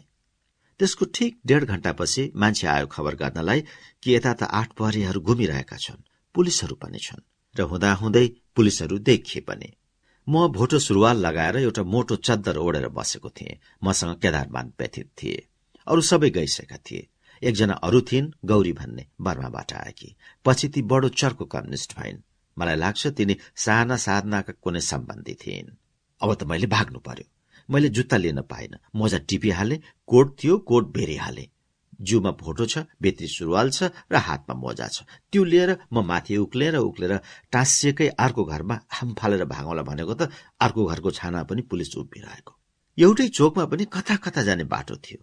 थुप्रो पुलिस जम्मा भइसकेको देखे। तल ओर्लेर चर्पीको बाटो निस्कँदा त म चोकमा पुगेछु। पहिले निस्के व्यथित। व्यथितलाई दुईजना पुलिसले च्याप्प समाते तर उनले बल गरेर आङ हल्लाउँदा त ऊ त फुत्किहाले अनि मलाई देख्ने बित्तिकै त उसलाई छोडेर मतिर लागिहाले। मलाई ट्याप्प कठालोमा नै समाते। मैले बाटो देखेको भए सायद म पनि भाग्न सक्दथे होला तर त्यहाँको बाटो केही थाहा थिएन। त्यस्तो अँध्यारो पनि थिएन उज्यालै थियो। त्यसपछि एउटा ट्रक ल्याएको थियो। मान्छेहरू सड़कभरि टम्म थिए। त्यसमा चिनेको कोही पनि छैन। मलाई न कर्नल चन्द्रबहादुर थापा चिन्दछन् न समात्ने मानिसहरूले चिन्दछन्। मलाई सोध्यो चन्द्रबहादुर थापाले तिमी को हौ? विश्वेश्वर प्रसाद कोइराला भनेर मैले भने। त्यो सुनेर छक्क परे उनीहरू। अलि छक्क परे जस्तो गरेर उनीहरूलाई त म के के गरौँला जस्तो लागेको रहेछ। मैले फेरि त्यस्तो लुगा लगाएको। उनीहरूलाई अचम्म लागेछ। के रे? भनेर उसले फेरि सोध्यो। मैले भने म विश्वेश्वर प्रसाद कोइराला हौ। चिनाउने मान्छे छन् चिनाउला भनेर उसले कड्केर भन्यो। विराटनगरबाट मलाई चिन्ने एउटा मान्छे झिकाएको रहेछ। म आएको छु भनेर। अनि मलाई ट्रकमा राखिसकेपछि त्यसलाई लिएर आयो र चिनाउन लगायो। अरू दुई चारजना मानिसहरू पनि समाते रत्न कहाँबाट र त्यो गौरी भन्ने मानिस भने उनीहरूलाई तथा नाम फोहोर गाली गइरहेका छन्। उनीहरूलाई हतकडी पनि लगाए मलाई लगाएनन्। मलाई पटुकाले बाँधे आफ्नै पटुका खोलेर दियो चन्द्रबहादुरले। मैले भने उनीहरूको के दोष? म हुँ मुख्य नेता। यिनीहरूलाई किन गाली गर्नुहुन्छ? तिम्रो पनि पालो आउँछ? भनेर उसले भन्यो। हतकडी लगाउनु छ भने मलाई लगाउनुहोस् भनेर मैले भन्दा महाराजबाट जे हुकुम हुन्छ त्यही हुन्छ। तिमीहरूलाई महाराज कहाँ लिएर जान्छौ? जे हुकुम हुन्छ त्यही हुन्छ भनेर चन्द्रबहादुर थापाले भन्यो। त्यसपछि अँध्यारो हुँदै गइरहेको थियो। हामीलाई सिंहदरबार लिएर गयो। तेइस। सिंहदरबार लिएर गएपछि छ महिना जति एउटा मानिसले जति सहन सक्दछ त्यति मैले सहनु पर्यो। मसँग अरू कुनै लुगा छैन। डिसेम्बरको जाडो छ। एउटा कोट छ फोटो छ पातलो एकजोर सुरुवाल छ जुत्ता छैन केही छैन। त्यो अवस्था छ मेरो। मलाई ट्रकबाट उतारे र उतारेको दस पन्ध्र मिनट पछि माथिबाट केही खबर आयो। हरेक कुरा मोहन शमशेरलाई सोध्नु पर्ने। मोहन शमशेर कहाँ खबर पठाउनलाई नै पन्ध्र बीस पच्चिस मिनट वा आधा घण्टा लाग्ने। फेरि त्यो चन्द्रबहादुर थापा आफै मोहन शमशेर कहाँ जान सक्दैनथ्यो उसले कुनै हजुरिया कर्नेललाई भन्नु पर्यो र त्यस कर्नेलले कुनै हजुरिया जर्नेललाई भन्नु पर्यो अनि मात्र त्यो कुरा माथि पुग्ने। त्यसरी गरेपछि के खबर आयो भने नेल हतकडी लगाएर राखिदिनु। त्यति मात्रै अर्डर आएछ। त्यो अर्डर आएपछि नेल लगाए हतकडी लगाए कम्मरमा जन्जिर लगाए। त्यसरी पनि मान्छेलाई राख्छन् भन्ने मलाई कल्पना थिएन। जन्जिर लगाउँदा त त्यस्तो बुझिँदैनथ्यो तर नेल लगाउनको लागि जब ठोक्नु पर्थ्यो कस्तो क्रूर कस्तो अमानवीय थियो। बाहिरबाट कौ बोलाएका थिए नेल जडान गर्नको लागि। त्यो नेल जडान गर्नको लागि माथिबाट ठोक्नु पर्थ्यो। त्यो ठोक्दा कौले मलाई लाग्ला भनेर विचार पुर्याएर अलिक तेर्सो पारेर हथौडा हान्यो चिप्लेर मेरो खुट्टा माथि हथौडा नलागोस् भनेर। हथौडा चिप्लेर मेरो खुट्टामा नलागेर एकपटक त्यो नेल अड्याएको ढुङ्गामाथि लाग्यो। त्यहाँ जो अफिसर उभिएको थियो त्यसले कौलाई रिसाएर भन्यो के गरेर हानेको? त्यो ढुङ्गा फुट्ला। मैले खुट्टामा हान्दा चिप्लेर ढुङ्गामा लाग्यो भनेर कौले जवाब दियो। उसको खुट्टाको हाड फुट्यो भने त जोडिन्छ। अब त दिन्छस् यो ढुङ्गा फुटेको पैसा? भनेर त्यो अफिसरले कौलाई हप्कायो। त्यस्तो थियो तिनीहरूको प्रवृत्ति। अनि त्यो लगाइसकेपछि अरू के छ? ल बस भनेर उनीहरूको गारदमा लगेर मलाई राखे। गारत कस्तो छ भने सिंहदरबारको ढोकाबाट भित्र पसेपछिको दक्षिणपट्टिको दाहिनेपट्टिको गोलो एक तले पल्टर बस्ने जुन घर छ त्यसैको एउटा बीचतिरको कोठामा मलाई लगे। जाडोको दिन थियो सबैले ग्रे कोट लगाएका छन् सबै सुतिसकेका छन्। मलाई नेल हतखडी लगाएर त्यहाँ ल्याउन्जेल दस बजिसकेको थियो। मलाई एउटा सिपाही जसले मेरो कम्बरमा जुन जन्जिर बाँधेको थियो त्यस जन्जिरको एउटा टुप्पो समातेर बसिरहेको छ। त्यो त्यहाँ छ। मलाई भुइँ देखाएर भन्छ तिमी यहीँ बस। भुइँमा च्याप्टा ढुङ्गाहरू छापिएका छन्। त्यस कोठामा सयकडौं सिपाहीहरू सुतेका छन्। दुईजना सिपाही सुत्ने खाटहरूको बीचमा मलाई त्यो च्याप्टो ढुङ्गामाथि उभ्याइराखेको छ। मलाई न ओढ्ने दिएको छ न बिछ्याउने दिएको छ। जाडो अत्यन्त कडा छ। पुसको जाडो। मसँग अरू कपडा छैन। कोठाका सबै झाल ढोकाहरू खुल्ला छन्। मलाई ढोकाको बगलेमा उभ्याइराखेको छ। त्यसरी मलाई तीन दिनसम्म राखेका थिए। खान त्यस दिन केही दिएनन्। भोलिपल्ट महाराजलाई नभनिकन कसैले केही गर्न नसक्ने। महाराजबाट अर्डर आएपछि मलाई सिंहदरबार बाहिर नाङ्ले पसलमा बेच्न राखेका मुला आलु चिउरा भटमास तारेका कुराहरू एउटा कागतमा ल्याएर मनेर राखिदिए। महाराजले मलाई खान दिन भनेका त होलान् तर के खान दिने भन्ने कुरा मलाई लाग्छ ती तल्ला तहका कर्मचारीहरूले नै तय गरेका थिए। म त जाडोले अब मर्छु तब मर्छु जस्तो भइरहेको थियो। मैले भने मलाई ओढ्ने र बिछ्याउने त दिनु पर्यो। आफ्ना मानिस नातेदारहरू कहाँबाट मगाऊ या तिम्रा मतियारहरूसँग मगाऊ भनेर मलाई जवाब दिए। म त्यसरी राखिएको तीन चार दिनपछि सायद तीन दिनपछि म मूर्छा परे। बेहोस भएछु। कसो गर्थे जाडोले भने म उठबस गर्थे र त्यसरी मैले तीन दिन बिताएको थिएँ। त्यसपछि म बेहोस भएँ। मूर्छा परेपछि मलाई पछि के अनुभव भयो भने बडो रमाइलो भइरहेको छ जस्तो। अनि होस आउँदा म के देख्दछु भने आगो बालिदिएको मिलिट्री ग्रेकोट थियो त्यसमा मलाई सुताएको एउटा ग्रे कोट मलाई ओढाइदिएको र आगो बालिदिएको। एउटा न्यानो पाएर म मस्तसँग सुतिरहेको छु। बडो राम्रो सपना देखे जस्तो गरेर। अनि त्यही बखतमा रातिको दस एघार बजेको बखतमा एउटा मान्छे कराउँदै आयो। यहाँ अस्ति आएको थुनुवा कहाँ छ? एउटाले भन्यो यहाँ छ। तीन ताकाका थापा छन् एकजना हजुरिया कर्नेल सौभाग जङका बाबु नामी थापा हुन्। तिनी जहिले पनि मलाई आएर हेर्ने र जाने। त्यहाँ मलाई के सुविधा हुन्छ हुँदैन केही पनि नहेर्ने। तर त्यस बेलामा कसैको हिम्मत हुँदैन थियो केही भन्नलाई। त्यो अत्याचार त्यत्रो अन्याय भइरहेको छ। कसैको हिम्मत छैन। अनि रातिमा दस एघार बजीतिर त्यही कराउँदै एउटा मानिस आयो मनेर आयो र के ल्यायो भने एउटा ठूलो राडी असाध्यै ठूलो राडी र के भन्यो भने यो थुनुवालाई दिनु भनेर महाराजबाट हुकुम भएको छ। सबैले राडी छोए र महाराजको तारिफ गर्न लागे। मलाई त्यस राडीले छोपिदिए। राडी कति ठूलो थियो भने मैले त्यसलाई बिछ्याउन पनि सक्ने र त्यसलाई ओढ्न पनि सक्ने। अनि मैले भने मलाई एउटा इँट पनि ल्याइदिनुहोस् म तकिया बनाउँछु। मलाई इँट ल्याइदिए र म सुते। त्यसरी मलाई तीन दिनपछि एउटा ठूलो राडी दिए मलाई ओढ्ने पनि काम भयो पछ्याउने पनि काम लाग्यो। त्यसले पनि त्यहाँको जाडो गएन तैपनि एउटा बचाउ भयो जाडोबाट। भोलिपल्ट बिहान के खबर आयो भने? मोहन शमशेर कहाँबाट खबर आएछ। पहिले उनलाई तात तातो केही खान मन छ भने दाल भात पकाएर खान दिनु। मैले भने मलाई खान मन त छ तर ननुहाई खान्न।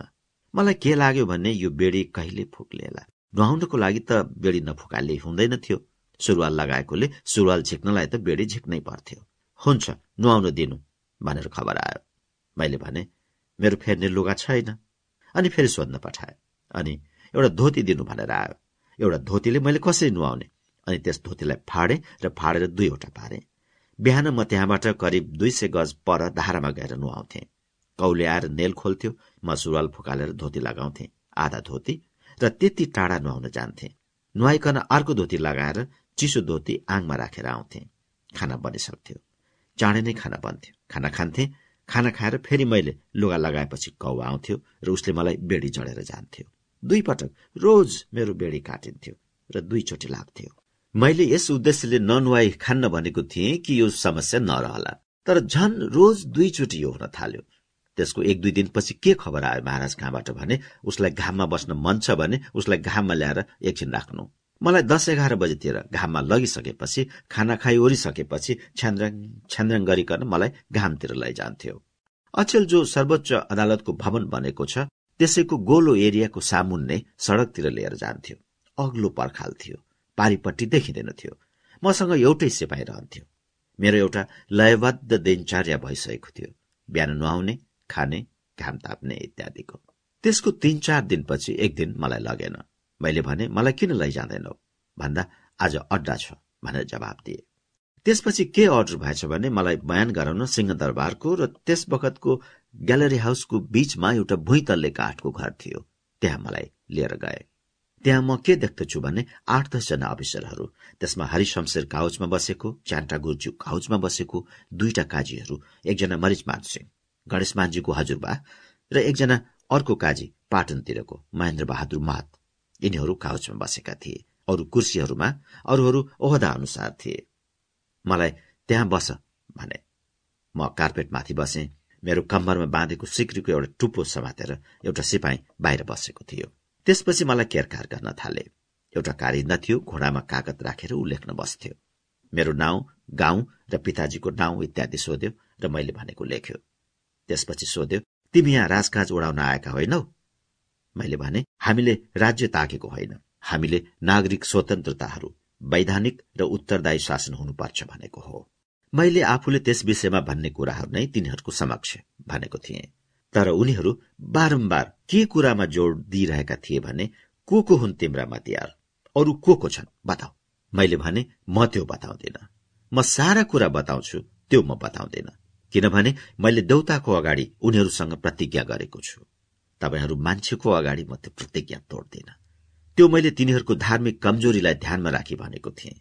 काजी रत्नमान मलाई अलि नरम तरिकाले सम्बोधन गरेर सम्झाउँथे नानी त्यसो भनेर पाइन्छ? न्यायालयको अगाडि न्यायालय देउता सर हो।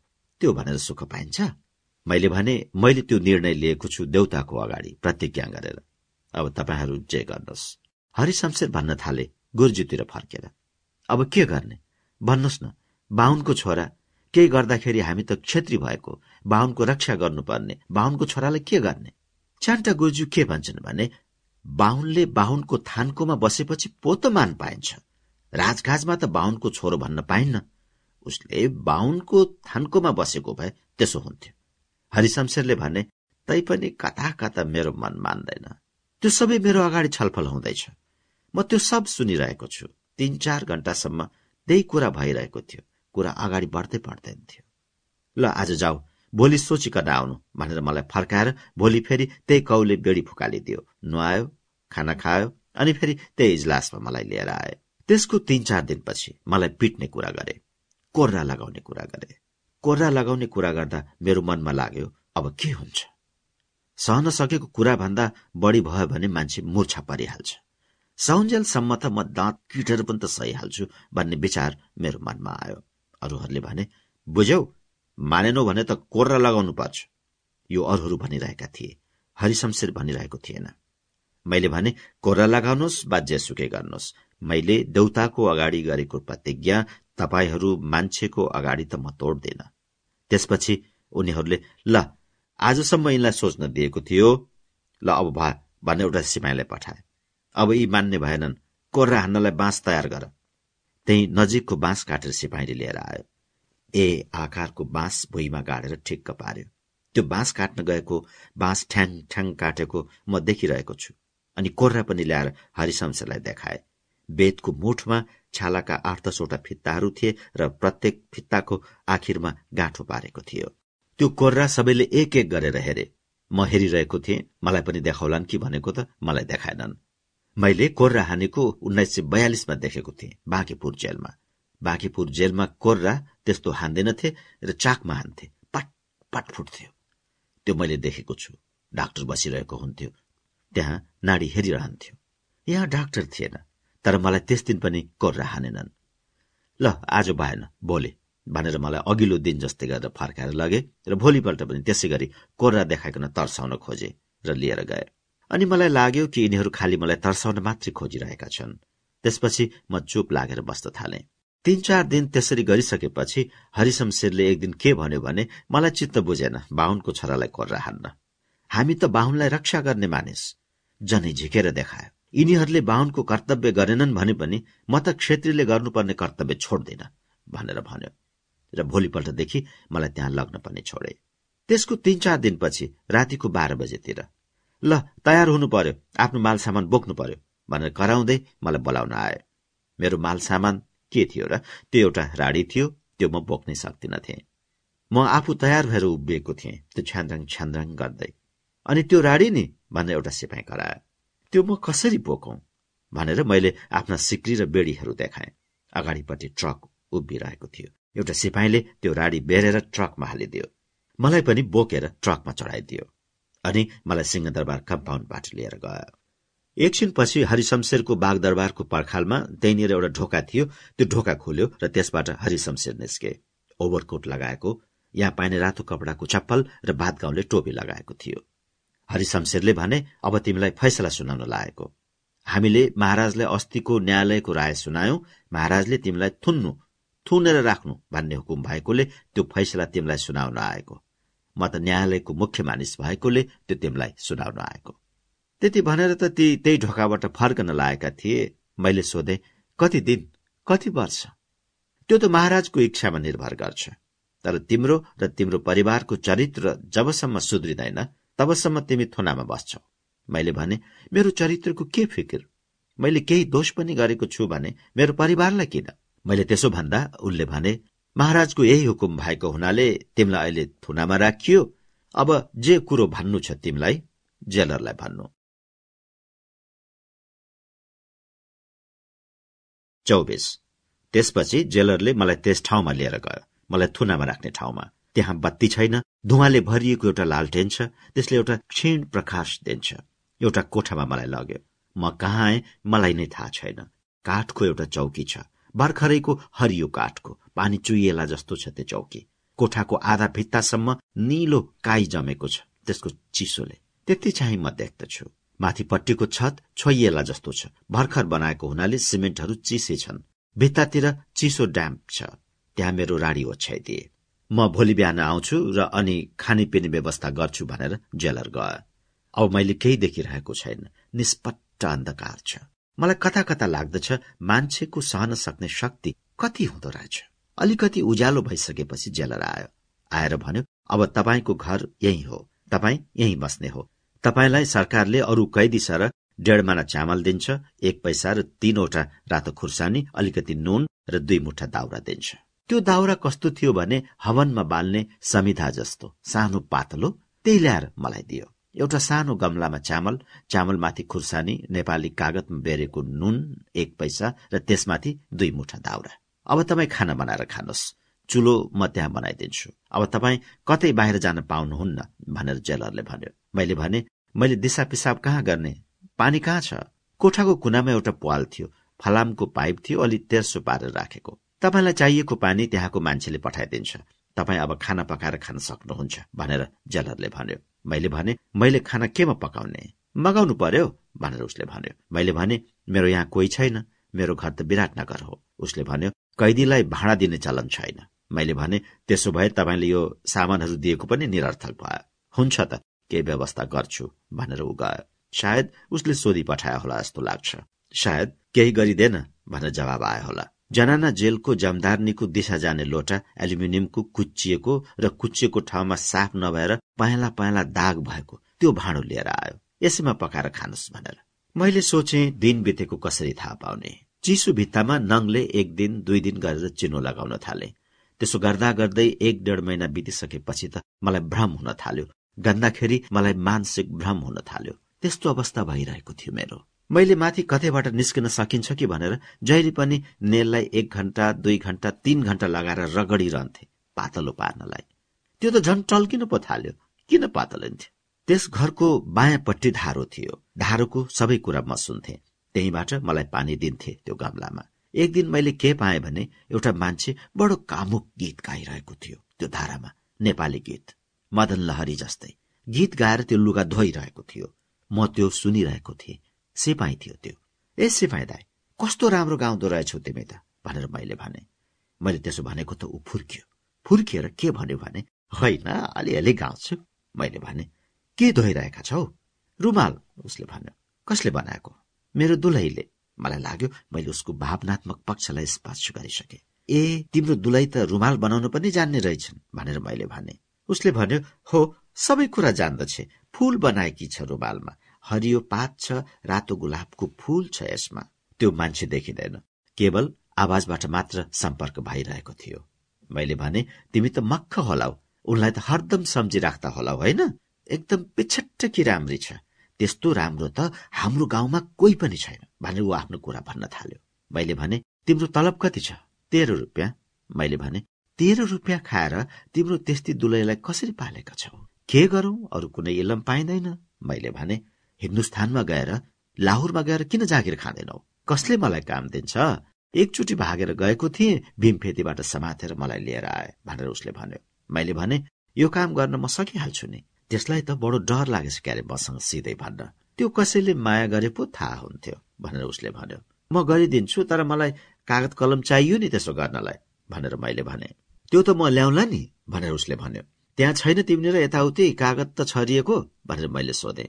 यहाँ कुनै कागज देख्दिन उसले भन्यो हेर न कतै यताउति उडेर आएको कुनै टुक्रो होला नि? भनेर मैले भने टुटी कोराको रातो एउटा पेपर हुन्छ त्यसको भित्र टिस्यु पेपर हुन्छ। त्यो टिस्यु पेपर उडेर आएको रहेछ हंसमानको घरतिरबाट। तिनको घर त्यहाँबाट नजिकै थियो। त्यो कागज उसले मेरो कोठाभित्र पसाइदियो। अनि मैले भने लेख्ने नि? भनेर भनेपछि उसले एउटा ठुटे कलम पनि पसाइदियो पेन्सिल। त्यो पेन्सिलले मैले पूर्ण बहादुरलाई चिठी लेखेँ। मैले यहाँ कसैलाई चिनेको थिइनँ कस कहाँ पठाउने? डाकुर दाजु कहाँ चिनेको थियो तर उहाँ राजनैतिक कुराबाट तर्सेर बस्नुहुन्थ्यो। पूर्णबहादुर एमएलए मलाई समर्थन गरिरहेका थिए। मैले त्यस सिपाहीलाई भने तिमी जाऊ पूर्णबहादुर एकजना मास्टर छन्। उनी भेडासिंहनेर बस्दछन् तिमी भेडासिंहनेर गएर कसैलाई सोध्नु बताइदिन्छन्। तिनलाई गएर यो चिठी दिनु। मैले पठाएको छु भन्नु। पूर्णबहादुरले तिमीलाई पाँच रुपियाँ दिनेछन्। मैले अनौठो परिस्थितिमा अनौठो कुरो गरिकन नै काम हुन सक्छ भन्ने ठानेको थिएँ। नभन्दै उसले त उनीसँग भेटेर कागज कलम पनि लिएर आयो अनि मैले त्यसबाट जवाहरलालजीलाई चिठी लेखेर उनका फेरि पठाएँ। उनले पठाए जुत्ताको भित्र तलुवामा घुसारेर। त्यही चिठी लिएर किसुनजी सायद र बालचन्द्र गएका छन् जवाहरलालजी नेर जवाहरलालजी त्यो पढेर रोएका छन्। त्यसपछि त मसँग कागज पत्र भइहाल्यो। उसलाई लागिरहेको थियो म उसैको काम गरिरहेको छु। ऊ रहेछ तामाङ तामाङको पनि गुरु लामा। मलाई तन्त्र मन्त्र आउँछ तपाईँलाई छोडाउनलाई म तन्त्र मन्त्र गर्छु। दुईवटा फूल अलिकति चामल र अरू के के भनेर माग्यो। मैले भने म यो कहाँबाट ल्याऊ? तिमी पूर्णबहादुर कहाँबाट नै लिएर आऊ? त्यसको लागि कति रुपियाँ चाहिन्छ? चार रुपियाँ भन्यो र मैले भने म पूर्णबहादुरलाई त्यो लेखिदिन्छु त्यो तिनैसँग लिनु पूर्णबहादुरले मलाई एउटा किताब पनि पठाइदिए जातक कथा। मलाई अब समस्या पर्यो किताब कहाँ राख्ने? मैले जेलरलाई बोलाएर पठाएँ र भने मेरो चुलो अलि ठूलो पारिदिनु पर्यो। उनीहरूले चुलो ठूलो पारिदिए। पकाउनु त म सानै चुलोमा पकाउँथे। ठूलो चुलोको एउटा इँट झिकिदिएँ र त्यसभित्र किताब कागज पेन्सिल र पैसाहरू सबै राख्न थाले। त्यसरी मैले ती कुराहरू जोगाएर राखेँ। अब मेरो पत्र व्यवहार बाहिर हुन थाल्यो। म अब सम्पर्कमा आउन थालेँ बाहिरको। त्यही बखतमा सुवर्ण शमशेरले एउटा पार्टी बनाएका थिए। त्यो पार्टीमा मलाई भयानक आक्रमण गरेका थिए। म छक्क परे। म त्यस्तो अवस्थामा थुनिएको छु जेलमा। त्यहाँ मोहन शमशेरसँग मिलिकन गएको छ भनेको छ नेपाल पुकारमा उहाँहरूले निकाल्नु भएको अखबारमा। उहाँहरूले पार्टी खोल्नु भएको छ डेमोक्रेटिक कांग्रेस भनिकन। अध्यक्ष महेन्द्र विक्रम शाह र सूर्यबाबु त्यसको सेक्रेटरी थिए। मलाई लाग्छ त्यसमा ठूलो आशीर्वाद थियो हिन्दुस्तानको त्यहाँ एक ठाउँमा के लेखिएको थियो भने बीपी कोइरालालाई चाँदीको जुत्ता हानेको छ। म त्यहाँ त्यस अवस्थामा छु। अखबारको यो कटिङ मलाई पूर्णबहादुरले पठाइदिएको थियो त्यो सिपाहीसँग। त्यस्तै भइराखेकोमा मलाई लाग्यो अब मैले अनसन गर्नु पर्यो। अनसन गर्दा कुन दिन गरौं भन्ने थियो। अब मैले खबर पठाउनु पर्यो। तर बाहिर खबर पठाउनको लागि त्यस सिपाहीको पालो नै परिरहेको थिएन। संयोगवश त्यसको छ सात दिनपछि त्यो सिपाही फेरि आयो। यस बीचमा दुई तीन हप्ता समय थियो। अनि त्यसको मार्फत पनि खबर पठाए। अक्षय तृतीयको दिनदेखि म अनसन गर्छु भनेर। उन्नाइस सय अडचालिसको अप्रेल मई महिना जस्तो लाग्छ गर्मीको बेला थियो। मैले अनसन गरे। उनीहरू रोज बरोज त्यही खाना ठेल्दै पठाउँथे। थाहै नपाए जस्तो गरेर आठ दिन जति म एक्लो छु दिशा लागिरहेको छ। दसचोटि पन्ध्रचोटि बिसचोटि दिनमा पातलो पातलो रगत आउने दिशा। त्यो सफा गर्न सकेको छैन। आठ दिन यसै गरी गयो। आठौं दिन जेलर आउँछ। आएर ढोका खोल्छ। होइन तपाईँले त केही खानु भएको रहेनछ केही गर्नु भएको रहेनछ। भनेर नथाहा पाए जस्तो गरी बोल्यो। मैले भने मैले त अक्षय तृतीयको दिनदेखि यो अनसन सुरु गरेको छु। उसले भन्यो अब त्यसो गरेर पनि हुन्छ। आफ्नो प्राणी जाने कुरा गर्नुहुन्छ। जे जे हुन सक्थ्यो पनिकन सम्झाउन थाल्यो। रगत हेरेर भन्यो यो के भएको? अनि त्यसपछि डाक्टरलाई लिएर आयो। डाक्टरले ओखती खाने कुरा गर्यो। मैले भने म ओखती खान्न। यस अवस्थामा कैदीलाई राखेको छ। म त्यसको विरोधमा अनसन गर्दछु। यो अमानुषिक तरिकाबाट मलाई छ महिनादेखि थुनामा राखेको छ। न कसैको चिठी पत्र न कसैको अनुहार देख्न पाइएको छ। डाक्टरले के भन्यो भने मेरो उहाँ ओखती गर्नुहुन्न भने म आएको के लाभ? त्यस दिन त्यो गयो। ऊ गएको एक दुई दिन केही चालचुल छैन। अनसनको अघिल्लो दिनको बेलुका खाना खाएको थिएँ। भोलिपल्ट भयानक पीड़ा भयो। तेस्रो दिनपछि मलाई पीड़ा अलिक कम हुन थाल्यो। अनसनमा दुई चार दिन मात्र तकलिफ हुँदो रहेछ। दोस्रो दिन या तेस्रो दिन कहीँ कुनै कतै बास्ना आउँथ्यो खाना पकाएको भने त्यसबाट नै एकदम भोग लागेर आउँथ्यो। पछि भोग भएन मलाई। त्यसको दस बाह्र दिनपछि मलाई लाग्छ गिरिजा र तारिणीलाई लिएर आयो। उनीहरू दुई हजार चार सालदेखि नै थुनामा थिए। मेरो अनसनको ठूलो प्रचार भइरहेको छ हिन्दुस्तानमा उनीहरूले के भने भने तपाईँले अनसन तोड्ने काम छैन सरकार निहुरिन गइरहेको छ। त्यसरी उनीहरूले भने। तर मेरो हालत एकदम खराब थियो। मेरो गोडा सुमसुमाया जस्तो गरेर थिच्यो र संकेत के दिन्थ्यो भने हामीहरू यिनीहरूले सम्झाउनु पर्छ भनेर ल्याएको मात्रै हो न त सक्नुहुन्छ भने गर्दै जानुहोस्। तपाईँलाई छोड्नको लागि प्रधानमन्त्रीमाथि धेरै दबाव भइरहेको छ मैले भने तिमीहरूले जस्तो जेसुकै भने तापनि मैले अनसन गरेको छु। तिमीहरूले आउने पनि काम छैन मलाई सम्झाउने काम पनि छैन। तिमीहरू जाऊ तिनीहरू गए। उनीहरू गइसकेपछि कर्णेल चन्द्रबहादुर थापा र सरदार उपेन्द्र पुरूष ढाका लाए। उनीहरू दुईजना जहिले पनि सँगै आउँथे आएर मलाई फकाउने पनि गर्थे र धम्की पनि दिन्थे। मरेर के भयो त? झन् सजिलो। कुचोले बढाउनु पर्ने धुलो हावाले आफै उडाएर लैजान्छ। त्यो भनाइ पनि मैले त्यही बेला मात्र सुनेको थिएँ। के भयो त? राजकाजमा कति मर्छन् मर्छन् भनेर मलाई सुनाउँथे। यता के भएछ भने जयप्रकाश नारायण बिरामी परेछन्। पटना हस्पिटलमा भर्ना थिए। गोडाले केही भएको थियो। त्यसको लागि उनी अस्पतालमा भर्ती थिए। जयप्रकाश कहाँ सुशीलाले गएर भनेछ बिपी त मर्न लागे। यस्तो खबर आउँछ यति दिन भइसक्यो भनेर। तारिणीहरू कहाँबाट पनि खबर गएको थियो क्यारे? जयप्रकाश नारायणले हस्पिटलबाटै जवाहरलाललाई टेलिफोन गरेछन्। बिपीको प्राण बचाउनु पर्छ भनेर। जवाहरलालजीले भनेछन् म आफ्नो कूटनैतिक स्तरबाट गर्दैछु। जे जे गर्नुपर्ने गर्दैछु। र मेरो रायमा श्रीमती सुशीला कोइरालाले काठमाडौँ जानुपर्छ।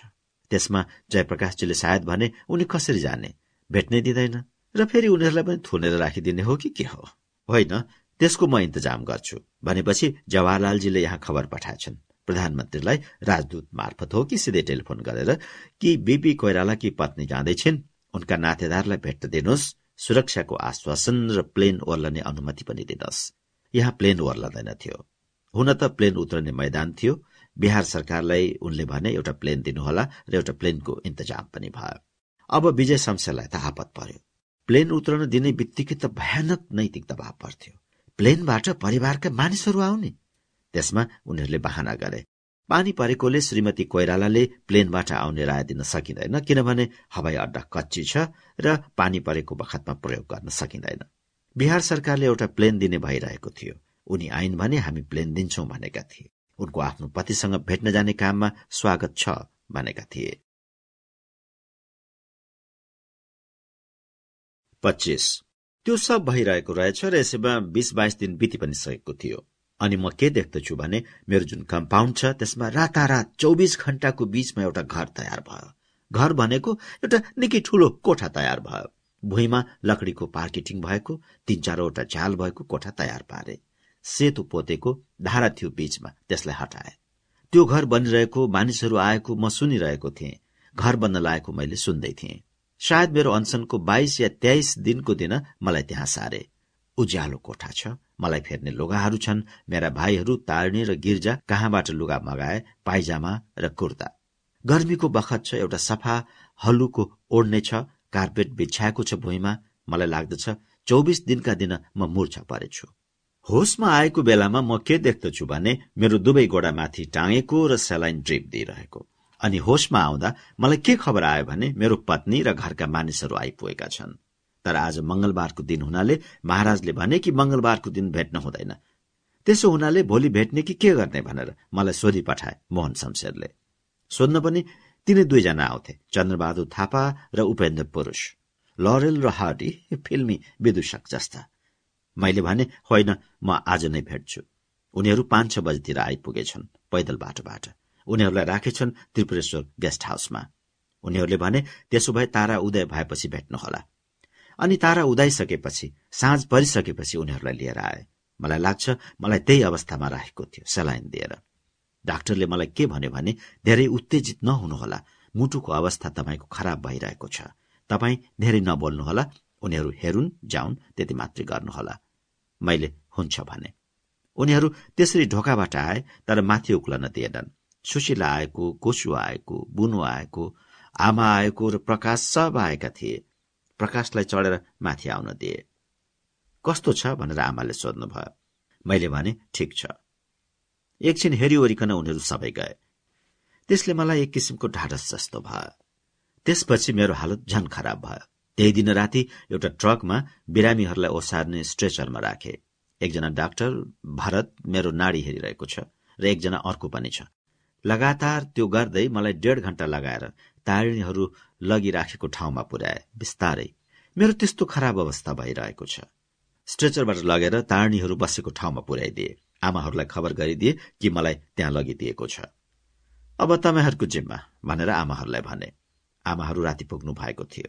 आमाले भन्नुभयो अह जबसम्म त्यो छुट्दैन यो सरकारको जिम्मा। त्यहाँ आमाहरूले बस्ने इन्तजाम गरेको थियो। तर आमाहरूले अह हामी यहाँ बस्दैनौ भनेर त्यहाँबाट राति करिब बाह्र बजीतिर हिँडेर आफू बसेको ठाउँमा आउनुभयो। सुशीलाले भनेछ आमा बसौँ न त्यही। आमाले भन्नुभयो छोरा मर्न थालिरहेको छ तिमीहरूको जिम्मा भन्दछन्। जबसम्म छोरो सरकारको कैदी छ तबसम्म त्यो जवाबदेही सरकारको छ। त्यसपछि मोहन शमशेरलाई भेट्ने कुरा भयो। नरेन्द्र मणिले नै सुझाव दिए कि आमाले भन्नुभयो मेरो उपवासको सत्ताइस दिन भइसकेको थियो। मोहन शमशेर बल्ल बल्ल राजी भए भेट्न। आमा सुशीला र बुनु गए सिंहदरबार। मोहन शमशेर भर्खर पूजा कोठाबाट आएर सेतो च्वाङ्गा लगाउँदा रहेछन्। उभि उभिकन भेटे। विजय शमशेरले भित्र लगेका थिए। महाराजको दर्शन गर्न विश्वेश्वरका आमा र दुलै आएका छन् भनेछ। मोहन शमशेरसँग बाजा बाज भएछ आमाको। त्यही कुरा उनले पनि गरे। अब तिम्रो जिम्मामा छन् तिम्रो छोरा। आमाले भन्नुभयो जबसम्म त्यो छुट्दैन त्यो सरकारको जिम्मामा हो। ऊ मर्यो भने सरकार जिम्मेवार हुन्छ। होइन सरकारको इज्जत छ कि छैन? भनेर मोहन शमशेर झर्के। आमाले भन्नुभएछ यो तानाशाही सरकारको इज्जत भन्दा मेरो छोरोको इज्जत धेरै ठूलो छ। आमाले बडो बहादुरीका साथ आफ्नो कुरा राख्नु भएछ।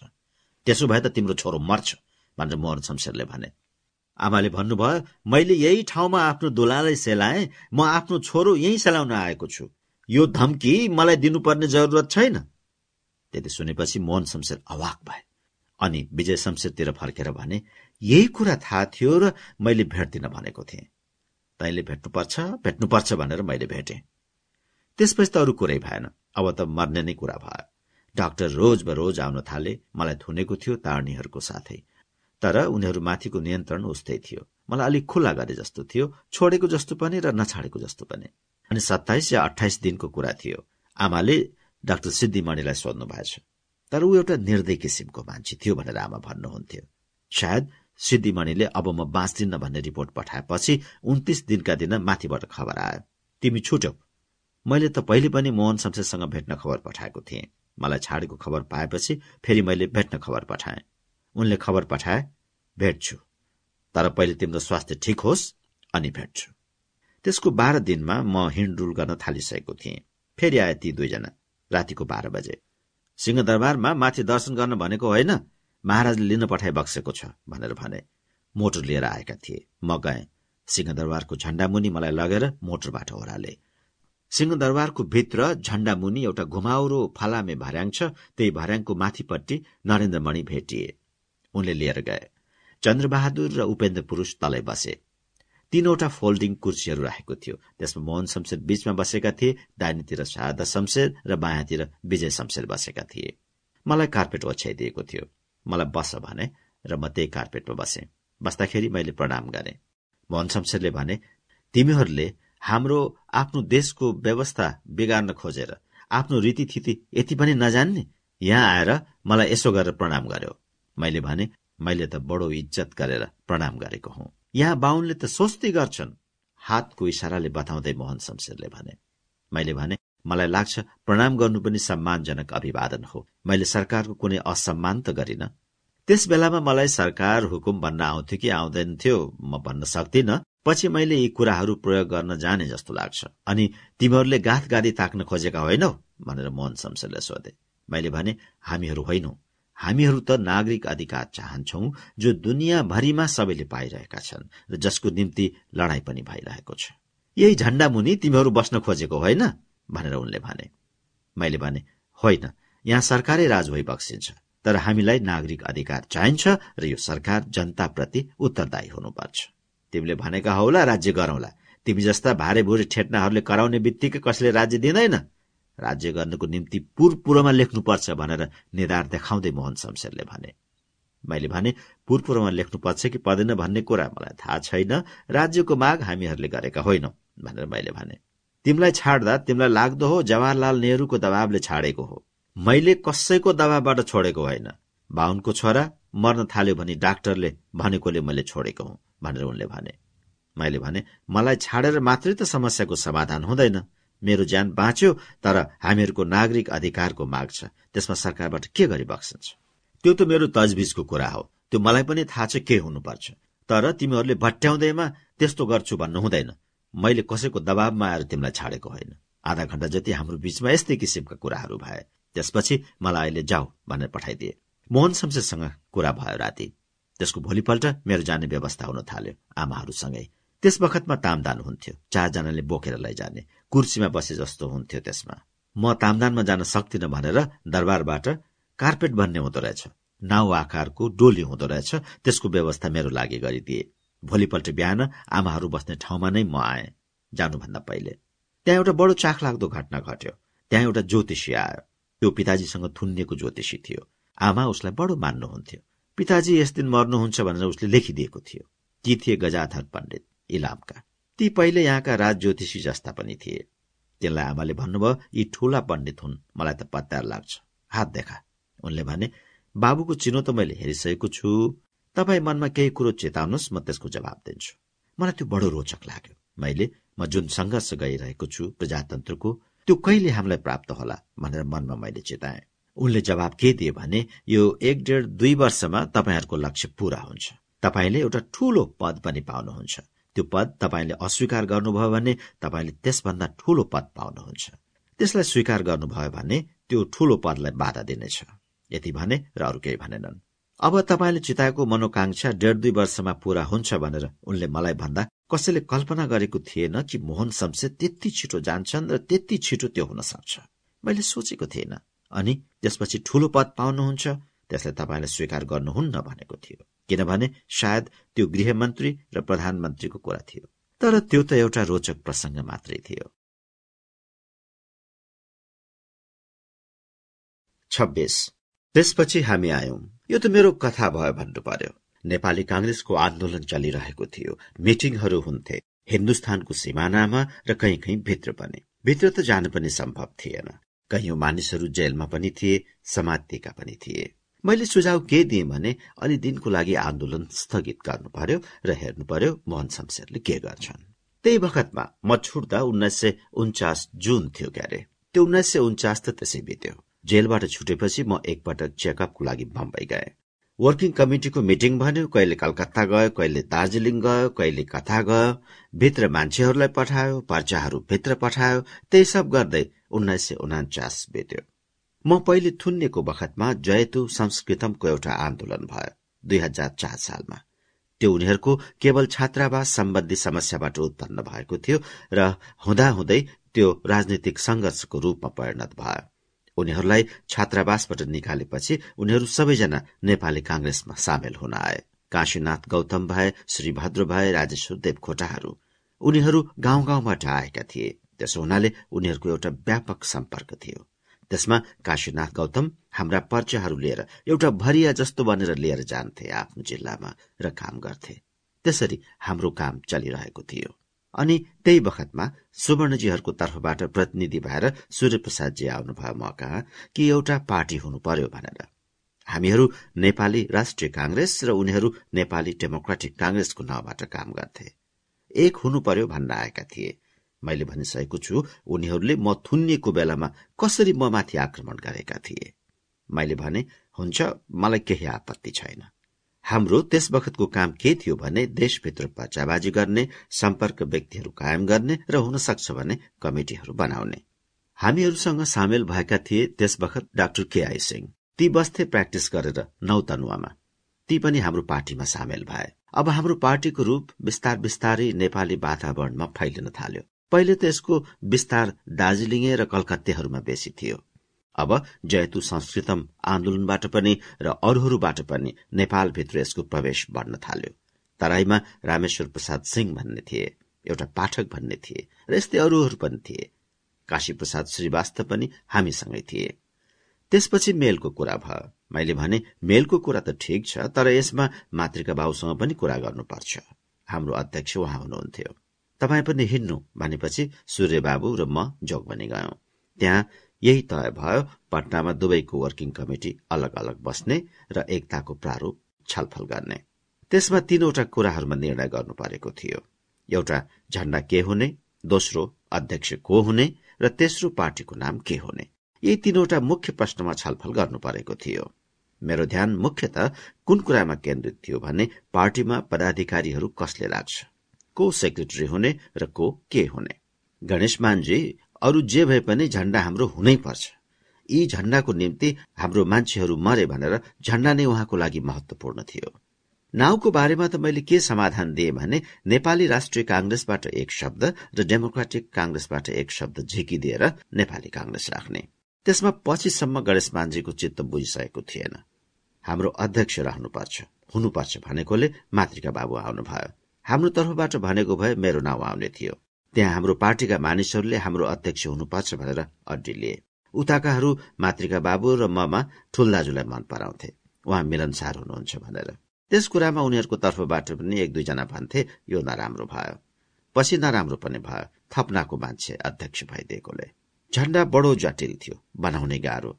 माथि सेतो धर्को त्यसपछि हरियो र त्यसको तल पहेँलो बडो जटिल डिजाइन भएको। उनीहरूको राम्रो थियो दुईतिर रातो बीचमा सेतो र त्यसमा चार तारा। मैले भने त्यो बडो राम्रो छ। हामीहरू संयुक्त भयौं। अप्रिल महिनामा नेपाली कांग्रेसको स्थापना भयो कलकत्तामा। मातृका बाबु अध्यक्ष हुनुभयो सेक्रेटरी उताबाट भए सायद महेन्द्र विक्रम शाह। त्यसमा हाम्रो सेक्रेटरी बालचन्द्र शर्मालाई निकै चित्त दुख्यो किनभने तमाम लेख्ने पढ्ने सारा व्यवस्था गर्ने बालचन्द्र शर्मा थिए। बडो योग्य मान्छे थिए बालचन्द्र शर्मा। तिनको लागि मैले सोझे भने र अलिकति त्यसबाट मनमुटाउ जस्तो पनि भयो। अर्को कुरा केआई सिंहलाई पनि चित्त बुझेको थिएन। केआई सिंहलाई त सुवर्णजीले यताउति पोटपाट गरेर ठिक पार्नु भयो। अफिस बनारस सर्यो पैसाको हामीलाई कमी भएन। त्यसपछि मलाई सुवर्णजीले एकपल्ट बोलाउनु भयो कलकत्तामा। आफ्नो कनक बिल्डिङको एयर कन्डिसन अफिसमा उहाँ हुनुहुन्थ्यो उहाँकी पत्नी हुनुहुन्थ्यो। मलाई भन्नुभयो होइन सशस्त्र क्रान्ति नगरिकन हुँदैन। हाम्रा नेता गान्धीवादी भए। कसरी चल्ला? मैले भने त्यसको फिकिर नगर्नुहोस्। उहाँलाई गान्धीवादी चर्चा गर्न दिनुहोस् हामी संगठित गर्न सक्छौ। त्यसको निम्ति पैसा भयो भने किन गर्न सकिँदैन? अनि उहाँले भन्नुभयो हामीले कति कोसिस गर्यौं। हतियार पाइएन।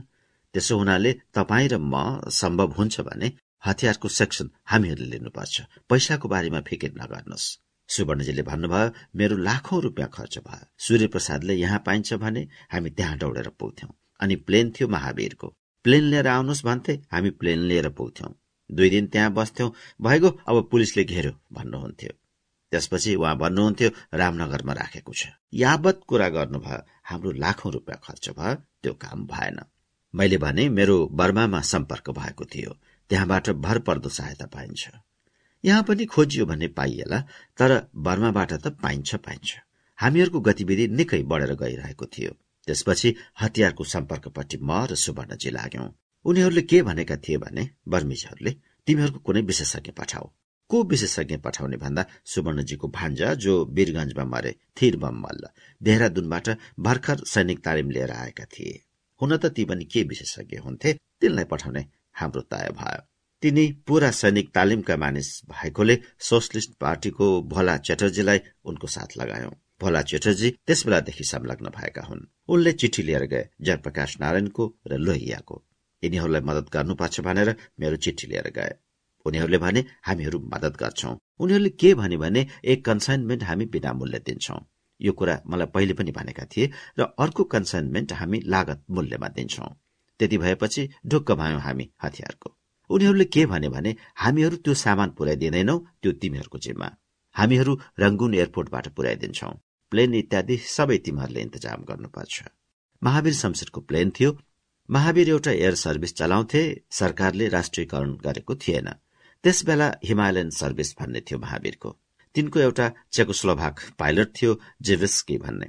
द्वितीय महायुद्धको बेलामा पाइलट थियो। देउसँग कुरा गरे। उसले भन्यो हुन्छ म ल्याउन तयार छु। अब सशस्त्र क्रान्ति गर्ने भन्ने कुरा निश्चित जस्तै भयो। उन्नाइस सय पचास अप्रिलदेखि यो कुरा चलेको छ। यसै बीचमा राजासँग सम्पर्क भयो। म काठमाडौँमा लुकेर आउँदा राजाका छोराहरूले मसँग सम्पर्क गरेका थिए। भेट्न चाहन्छु भनेर। पछि डराएर भेटेनन्। हामीहरूको नेपाली राष्ट्रिय कांग्रेसको सम्पर्क राजासँग थिएन तर डेमोक्रेटिक कांग्रेसको थियो। उनीहरूलाई हिन्दुस्तानले अलि समर्थन गरेको जस्तो थियो। उनीहरूसँग दरबारका मानिसहरू कलकत्तातिर आउँदा जाँदा दरबारिया भएकोले सम्पर्क भइहाल्थ्यो। सुवर्णजीले मलाई के भन्नुभयो भने राजासँग मेरो सम्पर्क छ केही सम्वाद छ पठाउने हो भने पठाउ। मैले भने पठाउनुहोस्। हामीहरूले सशस्त्र क्रान्ति गर्दाखेरि राजाको के स्थिति हुने? राजाको नाउँबाट हामीले क्रान्ति गर्दा राजालाई त उनीहरूले समातिहाल्लान् त्यसो हुनाले राजालाई त्यहाँबाट भगाउनु पर्छ। भगाउनु पर्दा सबभन्दा सजिलो त के हुन्छ भने एयरपोर्टसम्म हामीले हेलिकप्टर लग्न सक्यौं भने त्यही हेलिकप्टरबाट उनलाई उडाएर लिएर जाने। उडाएर उनलाई पाल्पामा लग्न सकियो भने पाल्पामा नयाँ सरकार बनाउने। अनि त्यस सरकारलाई हिन्दुस्तानको अन्तर्राष्ट्रिय मान्यता दिलाउने र क्रान्तिलाई बढ़ाएर लिएर जाने भनेर हामीले प्लान गरेका थियौं। त्यसको लागि पाल्पाको कमान्डर इन चिफलाई मिलाउनु पर्ने कुरा थियो। अब को जाने पाल्पा? सत्ताइस। हामीहरूको एउटा मिटिङ थियो। ठुटीबारीको बाटोबाट जानु पर्थ्यो गोरखपुरबाट बगाहको बाटो एउटा स्टेशन थियो। त्यही हाम्रो महासमितिको मिटिङ थियो। त्यस मिटिङपछि म भूमिगत भएर पुगे पाल्पा। सम्पर्क सुवर्णजीले गराउनु भएको थियो। राणाहरूको आपसमा सम्पर्क थियो खास गरेर सी क्लास राणाहरूको। यी पनि सी क्लासका राणा थिए। पाल्पाका कमान्डर इन चिफ पनि। तिनका छोरा आएका थिए कलकत्तामा। सुवर्णजीले मलाई परिचय गराउनु भएको थियो। मैले भने म पाल्पा पुग्न सक्छु? उनले भने किन नसक्नु? म त आइजाइरहन्छु। उनी त्यस बेला कुनै कानून बाजित काम गर्थे। चाँदीको रुपियाँको त्यस बेलामा भाउ बढेको थियो। उनी त्यसैको कारोबार गर्थे। सिलसिलामा कलकत्ता आइजाइरहन्थे उनले भने म लिएर जान्छु। पाल्पा तानसेन भन्दा तल एउटा फाँट छ बगैँचा छ आँपको। साँझ परुन्जेल मलाई त्यही रोकेर राखे।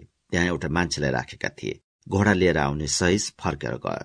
त्यस मानिसले मलाई छेडो बाटो गर्दा गर्दै पुर्यायो खजन्ती कहाँ। उनी पाल्पा कमान्डर इन चिफका मानिस थिए। उनी कहाँ मलाई राखिसकेपछि कमान्डर इन चिफ कहाँ खबर पठाए? त्यस बखतमा पाल्पा कमान्डर इन चिफ शहरमा बस्दैनथे माथि डाँडामा क्याम्प गरेर बसेका थिए। ती बडा रइस खालका मानिस थिए र हाम्रा स्वास्नी मानिसहरू लिएर बस्थे। धनी पनि थिए। म आउने भनेर झन बढी एउटा भोजैको जस्तो इन्तजाम गरेका थिए। त्यहाँ म आएँ। हामीले खाना खाइसकेपछि मैले उनीसँग एकछिन कुरा गरेँ। मैले आफ्नो प्रस्ताव राखेँ। मैले दुईवटा कुरा भने।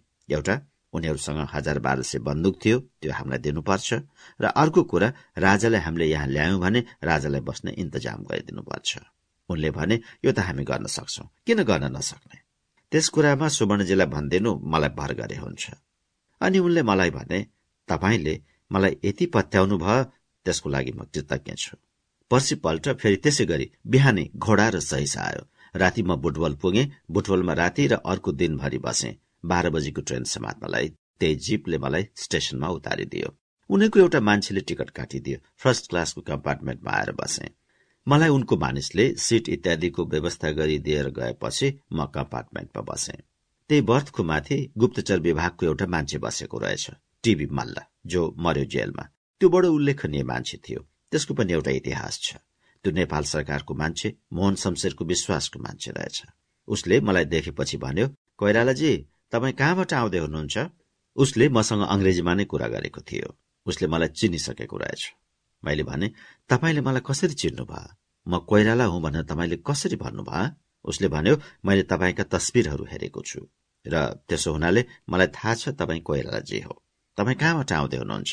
मैले भने म आफ्ना केही साथीहरूलाई भेट्न सिमानातिर आएको थिएँ। मैले सिमानातिर भ्रमण गरेको छु। तर ती महाशय को हुन् जसले तपाईँको लागि टिकट किनिदिए? भनेर भन्छ मैले भने म त तिनलाई चिन्दिन। म टिकट किन्न गएँ त्यहाँ भिड थियो र मैले तिनलाई टिकट किन्न दिएको थिएँ। म नयाँ मान्छे भएकोले उनलाई म चिन्दिन। ठिक छ मलाई धेरै कुराहरू थाहा छन् तपाईँको बारेमा र तपाईँका गतिविधिहरूको बारेमा। मैले सोधेँ तपाईँ को नि?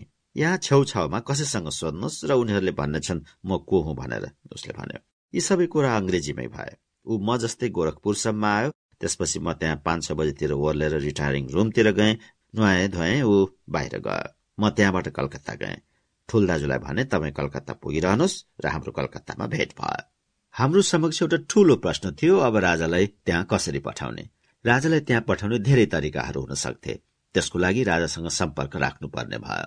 राजालाई कलकत्ताबाट जुन सिगरेटहरू जान्थे त्यसको एउटा सिगरेटमा सुर्तीहरू झिकेर नेपाली कागतमा लेख्नुपर्ने सन्देश लेखेर त्यसलाई त्यो खोक्रोभित्र भरियो। त्यसको दुवै टुप्पामा सुर्तीहरू भरियो। त्यसलाई प्याकेटमा बन्द गरेर सिल गर्ने इन्तजाम पनि गर्नुभएको थियो सुवर्णजीले। राजाको दरबारमा आउने जाने मान्छेले राजालाई त्यो सिक्रेट टक्राउने व्यवस्था पनि भएको रहेछ। सम्पर्क गर्ने त्यो पनि एउटा उपाय रहेछ र सुवर्णजीले त्यो गर्नुभयो। अनि हामीसँग एउटा हेलिकप्टर होस् भनेर कति कोसिस गर्यौं तर भएन। हिन्दुस्तानसँग भन्यौं। उनीहरूले भने हम लोगों के पास तो हेलिकप्टर नहीं है आपके पास कैसे होगा? हेलिकप्टर त्यस बेला त्यति सजिलोसँग पाइँदैनथ्यो र हिन्दुस्तानले दिने पनि थिएन। हिन्दुस्तान त राजालाई आफ्नो कब्जामा गर्न खोज्थ्यो। उसले हामीलाई त्यो किन दिन्थ्यो? हामीले यो पनि पत्ता लगायौं कि दरबारबाट एयरपोर्टसम्म जानलाई कति बेर लाग्छ? सात आठ मिनट लाग्ने रहेछ।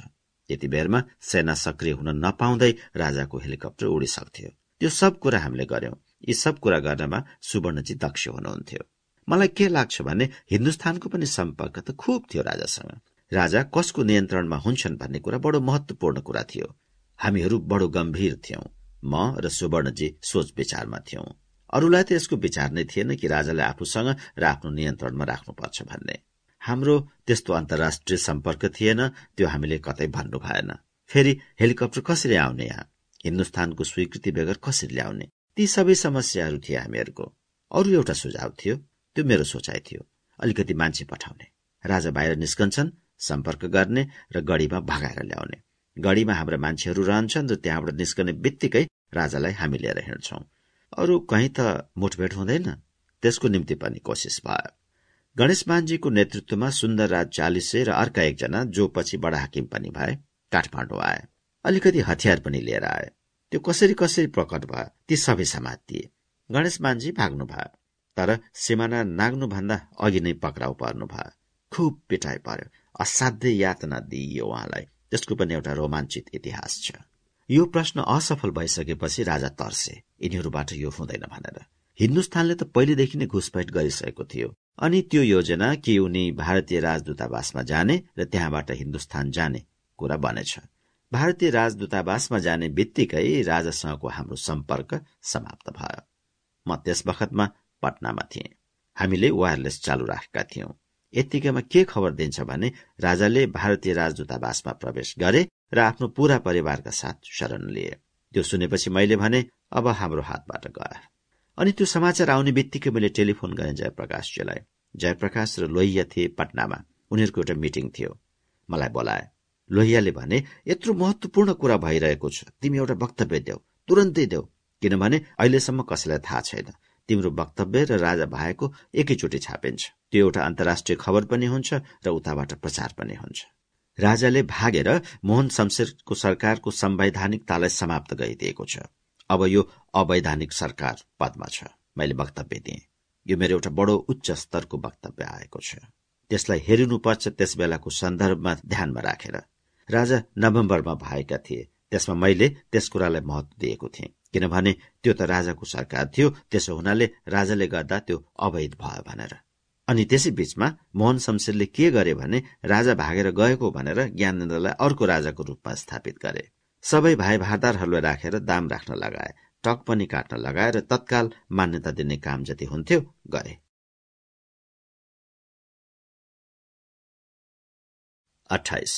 अब एउटा हतारको परिस्थिति हाम्रो संघर्षमा आयो। राजासँग भेट्न पाइएको छैन। हिन्दुस्तानले पनि दिँदैन राजाले पनि भेट्दैनन्। म कतिपल्ट दिल्ली गएँ। राजाका छोराहरूसँग भेट भयो तर राजासँग भेट भएन।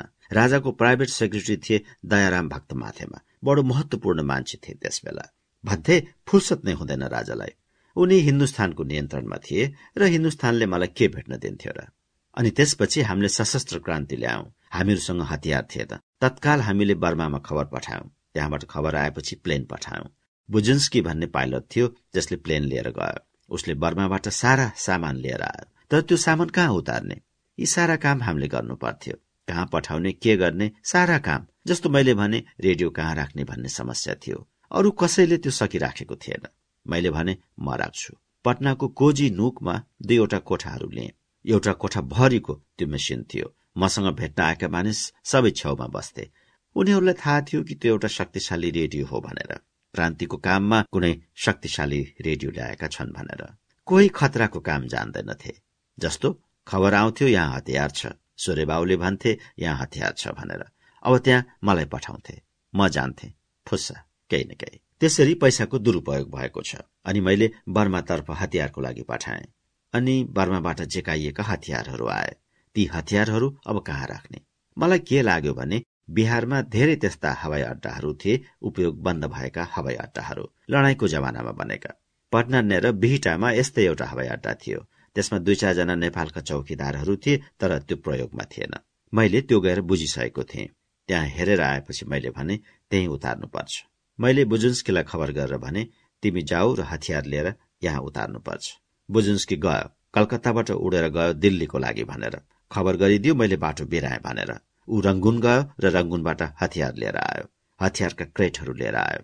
हामी ट्रक लिएर पुग्यौं बिहटा हवाई अड्डामा म सुवर्णजी र एउटा अर्को मान्छे थियो। हामी एउटा ट्रक र एउटा भित्री ट्रक जस्तो लिएर पुग्यौं।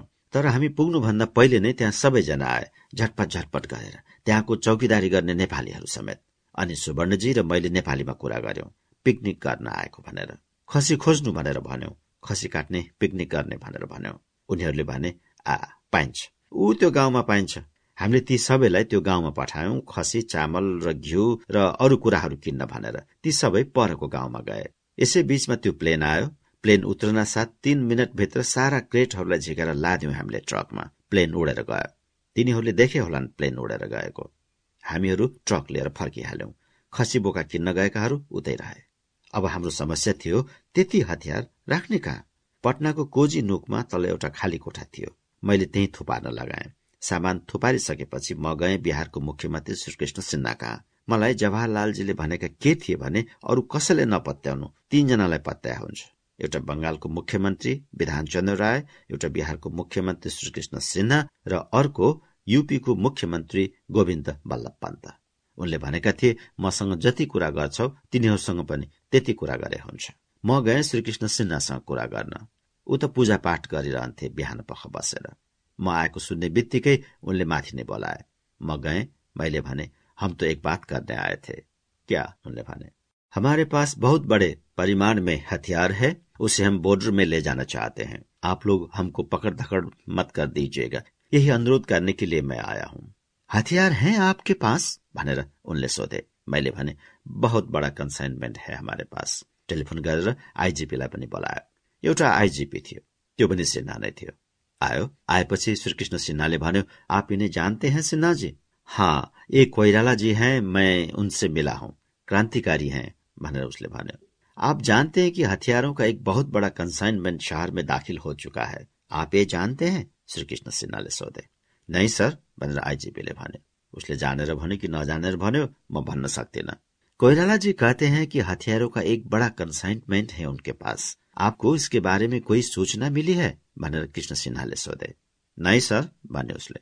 मैले भने मसँग छ तर मेरो कोजी नुकमा छ तर मलाई त्यो बोर्डरमा लाग्नु छ। त्यसमा तपाईँहरू मदत गर्नुहोस् जसलाई तपाईँहरूले पक्राउ नगरिदिनुहोस्। त्यो भन्दा श्रीकृष्ण सिन्हाले भन्यो सिन्हाजी देखो इनको तुम कितना मदद कर सकते हो। करो। उसले भन्यो ठिक है मैं उनसे बात कर लूंगा। त्यसपछि घरमा आएपछि उसले मसँग कुरा गर्यो। त्यो आइजिपीले के भन्यो भने म बोर्डरको निरीक्षण भ्रमणमा जान्छु त्यसैमा सामान लिएर हिँड्छु। तपाईँलाई त्यो कहाँ पुर्याउनु पर्छ म पुर्याइदिन्छु। उसले भन्यो मेरो त स्पेसल सेलुन जान्छ। त्यसैबाट म पुर्याइदिन्छु। या तपाईँ आफ्नो तरिकाबाट लग्नुहुन्छ भने लग्नुहोस् तर अरू तरिकाले लिएर जान खतरा छ। के खतरा छ भने बोर्डरमा कसैले समातिदिन्छ। मैले सबै पुलिसलाई त्यो भन्न हुँदैन।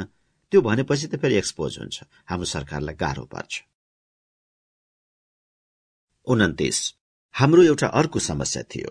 सशस्त्र क्रान्ति गर्ने भए हर समस्यालाई र हरेक विषयलाई वर्किङ कमिटिमा लिएर गएर साध्य थिएन किनभने त्यसमा गोप्यता पनि कायम रहन सक्दैन थियो।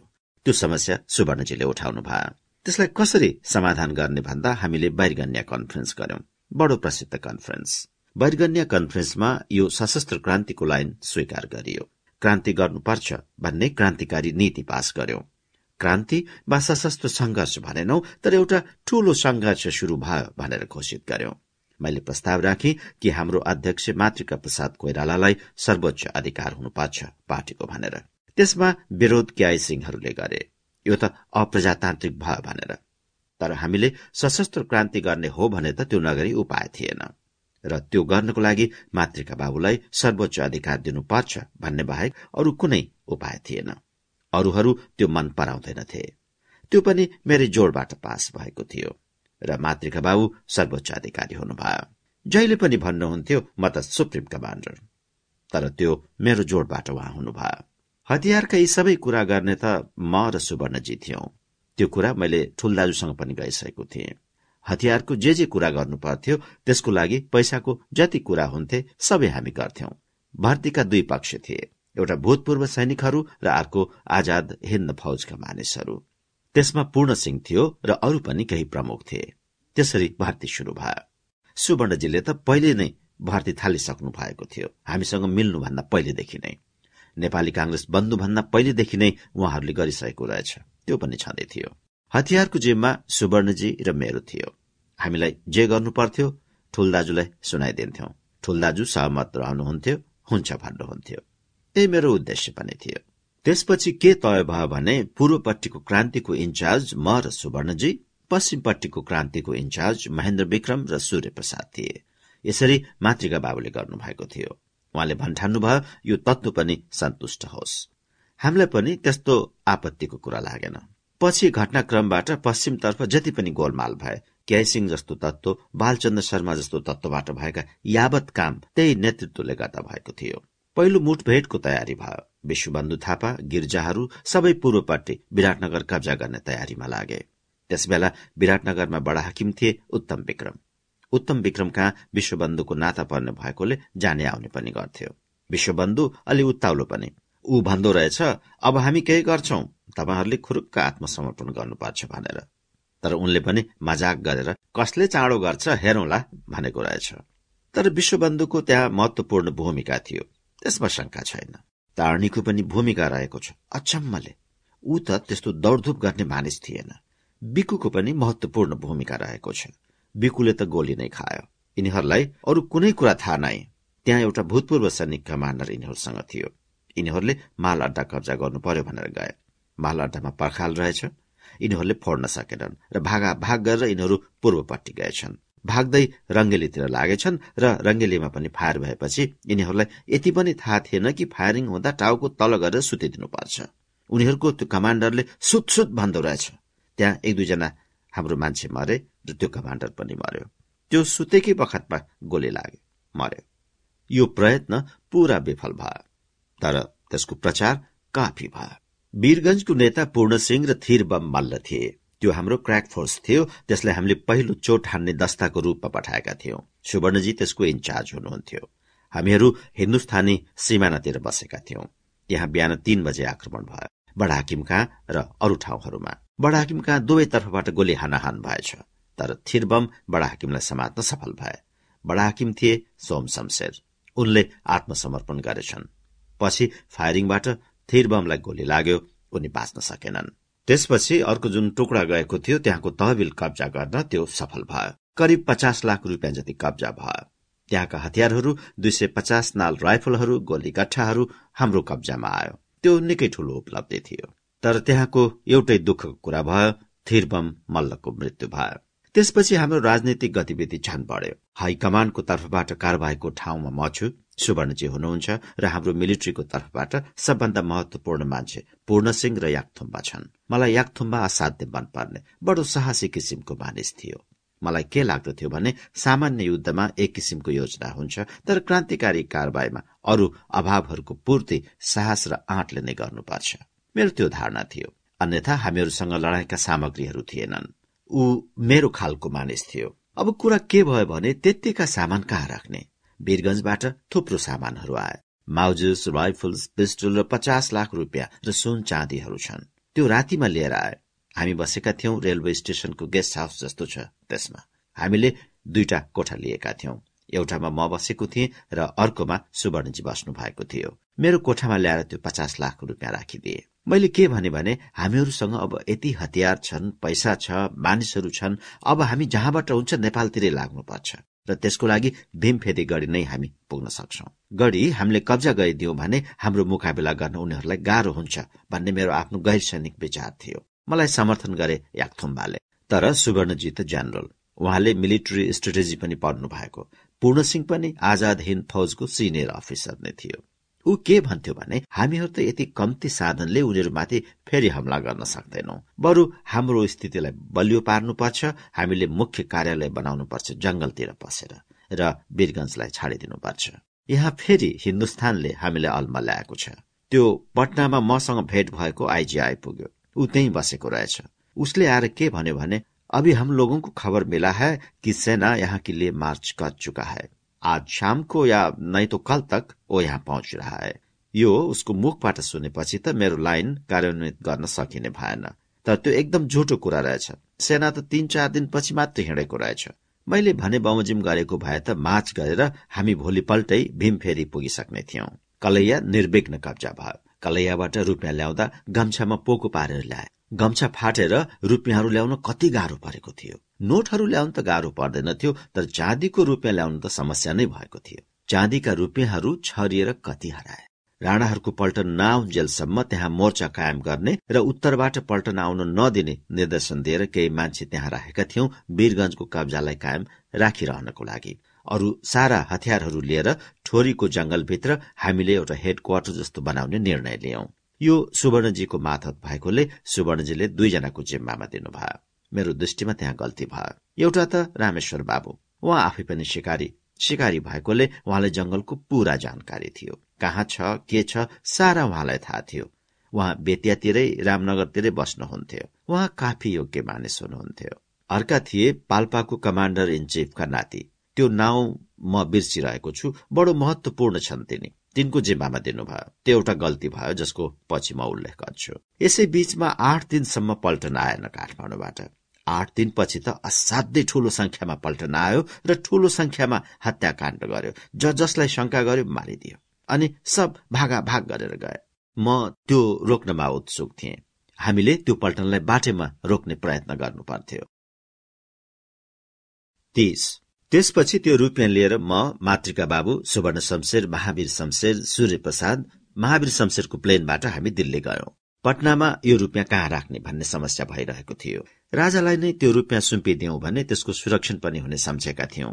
नत्र भने त्यही रुपियाँको बारेमा हाम्रो बीचमा केही किचकिच भइदेला अथवा हिन्दुस्तानले जफत गरिदेला भन्ने डर भइरहेको थियो। त्यस बेलामा मलाई पैसाको कटुपक्षको पहिला अनुभव भयो। त्यो पचास लाख रुपियाँ लिएर आएपछि त्यसमा मेरो नियन्त्रण बेसी हुनुपर्छ भनेर तेज बहादुर मात्य आयो। यो मेरो इलाकाको पैसा हो भने जस्तो पनि कुरा गरेको थियो। त्यसो हुनाले यी सब गर्नुको सट्टा राजालाई नै त्यो जिम्मा लगाइदियो भने यस्ता कुराहरूको किचकिच पनि हुने थिएन। पटनाबाट उडेर हाम्रो प्लेन राति दिल्ली उत्र्यो। उत्रने बित्तिकै त्यसलाई हवाई अड्डाको एउटा छेउतिर पुर्याए फ्लड लाइट दिए प्लेनमा। हामी छक्क पर्यौं एकदम कडा उज्यालो छ फ्लड लाइटको चारैतिरबाट लाइट दिएको छ प्लेनमा अनि आउँछ गुप्तचर विभागको चिफ ह्यान्ड भन्ने। मैले चिनेको मान्छे। जवाहरलाल नेहरूको सेक्रेटरी पनि भएको थियो जस्तो लाग्छ ऊ। आएर के भन्छ भने हामीलाई सूचना पाइएको छ कि यस प्लेनले लुटको सम्पत्ति ल्याएको छ। तपाईँहरू आफ्नो सिटमा बसिरहनुहोला र आफ्नो तलासी गर्न दिनुहोला। मसँग एउटा माउजर पिस्टल थियो। त्यसमा केही झन्झट गर्छ कि भनेर मैले बिस्तारै झिकेर सिट तलतिर राखे। हामी सबैको तलासी लियो। एक एक गरेर हामी सबैको तलासी लिएर तल उतार्यो। बाकस थियो पचास लाख रुपियाँ राखेको। त्यो पनि लिएर गयो। मेजिस्ट्रेट बोलायो राति बाह्र बजेतिर। मलाई अलग पार्यो। ध्यान दिनुपर्ने कुरा थियो। ठुल दाजुलाई चुपचाप सूर्यप्रसादले जवाहरलाल नेहरू खाँ लिएर गए। के गरेर लगे त्यो मैले देखिन। पछि मात्र थाहा पाएँ। मलाई त्यही राखी छोड्यो र मेजिस्ट्रेट आएर गन्यो। त्यो पचास लाख रुपियाँ। पचास लाख गन्न कति लाग्छ? रातभरि गनिरहेका छन् दुई तिनजना बसेर। भोलिपल्ट मलाई भने तपाईँ मुक्त हुनुहुन्छ। ठुल दाजु त पहिले नै छुटिसक्नु भएको थियो। जवाहरलालजीसँग के कुरा गर्नुभयो मलाई थाहा छैन। त्यसपछि जवाहरलालजीसँग भेट्न भोलिपल्ट म गएँ। त्यो रुपियाँ त हिन्दुस्तानले कब्जा गरिहाल्यो। क्रान्ति सकिएपछि मात्रै त्यो रुपियाँ नेपाल सरकारलाई फिर्ता गर्यो। म एकदम रिसाएर, रिसले मुरमुरिएर जवाहरलालजी कहाँ गएको थिएँ। यो कुन तरिका हो भन्नलाई? तर त्यहाँ रिसाएर के गर्ने? मैले जवाहरलालजीलाई भेट्न साथ भने, तपाईँले हामीलाई किन थुन्नु भयो जवाहरलाल नेहरूले भने, आप हल्ला मचाकर अखबारों में नोटिस दे देकर रुपया ले आए हैं और हमको उलझन में डालते हैं। मैले भने तो कहाँ ले जाते इतना रुपया आप अपने मकान में नहीं रख सकते थे। आप किस तरह के क्रांतिकारी हैं और राजा के पास ये पहुँचाने आए राजा का रेभोल्युसन है कि जनता का रेभोल्युसन है भनेर मलाई सुनाए। उनलाई त अप्ठ्यारो परेको रहेछ अन्तर्राष्ट्रिय स्तरमा। उनले त आफूलाई संलग्न नभएको देखाइरहेका थिए। हाम्रो त्यस कामबाट उनलाई अप्ठ्यारो परेको रहेछ। रिसाएर भने आपको त हत्कडी दाल्दै थिए पूर्वतर्फ त हामीले सिनित्त गर्दै आयौं। विराटनगरको घटना अलि रोमान्टिक भएको थियो। विराटनगरमा उत्तम विक्रम थिए बडा हाकिम बडो लायक मान्छे। सानो एउटा पल्टन थियो। उनले सबैलाई आफ्नै कम्पाउन्डभित्र राखे। खाने सामानहरू सबै राखे पानीको निम्ति ट्युबवेल छँदै थियो माथि छतमा ब्रेनगन थियो राखेको। ब्रेनगनको मोडा कहिले कथा कहिले कथा फर्काएर राखेर के भ्रम पारिएको थियो भने त्यहाँ तीनवटा ब्रेनगन छ। गोलीघट्टा सिद्धिने हुनाले बडो होसियारी र समझका साथ प्रयोग गर्थे। पूरा बजार हाम्रो कब्जामा छ पूरा जिल्ला हाम्रो कब्जामा छ तर त्यसलाई कब्जा गर्न सकेको छैन। उनले वायरलेस पठाइराखेको रहेछ हतियार पठाइदेऊ भनेर। हामीहरूलाई त्यो कब्जा नगरेर अगाडि बढ्न गाह्रो परिरहेको थियो। तैपनि हामीले अलिकति पल्टन झापातिर पठाएका थियौं। झापा पनि कब्जा भइसकेको थियो। सुवर्णजीले के भन्नुभयो भने हामीहरूका गोलीगट्ठाहरू पनि सिद्धिन थाले। थप गोलीगट्ठा पाएको छैन। याकथुम्बा थियो त्यहाँको मिलिट्री कमान्डर। उसले भन्यो अब राति उनीहरूले आक्रमण गरे पसे भने त हामीहरू टिक्नै सक्दैनौ। हामीहरूसँग गोलीगट्ठा छैन। पूर्णियातिर कसैले बेच्छ कि भनेर लिन पठायौं। त्यस बखत आठ आना एक रुपियाँमा गोलीहरू किन्न पाइन्थ्यो। त्यो पनि हामीलाई चाहिए जति पाइएन। बडाहाकिमको कम्पाउन्डको पर्खाललाई विस्फोट गर्नु परेको थियो। त्यसको लागि पनि हामीलाई अलिकति गोला बारूदहरू चाहिएको थियो। त्यसको अरू कुनै उपाय हुन सकिरहेको थिएन।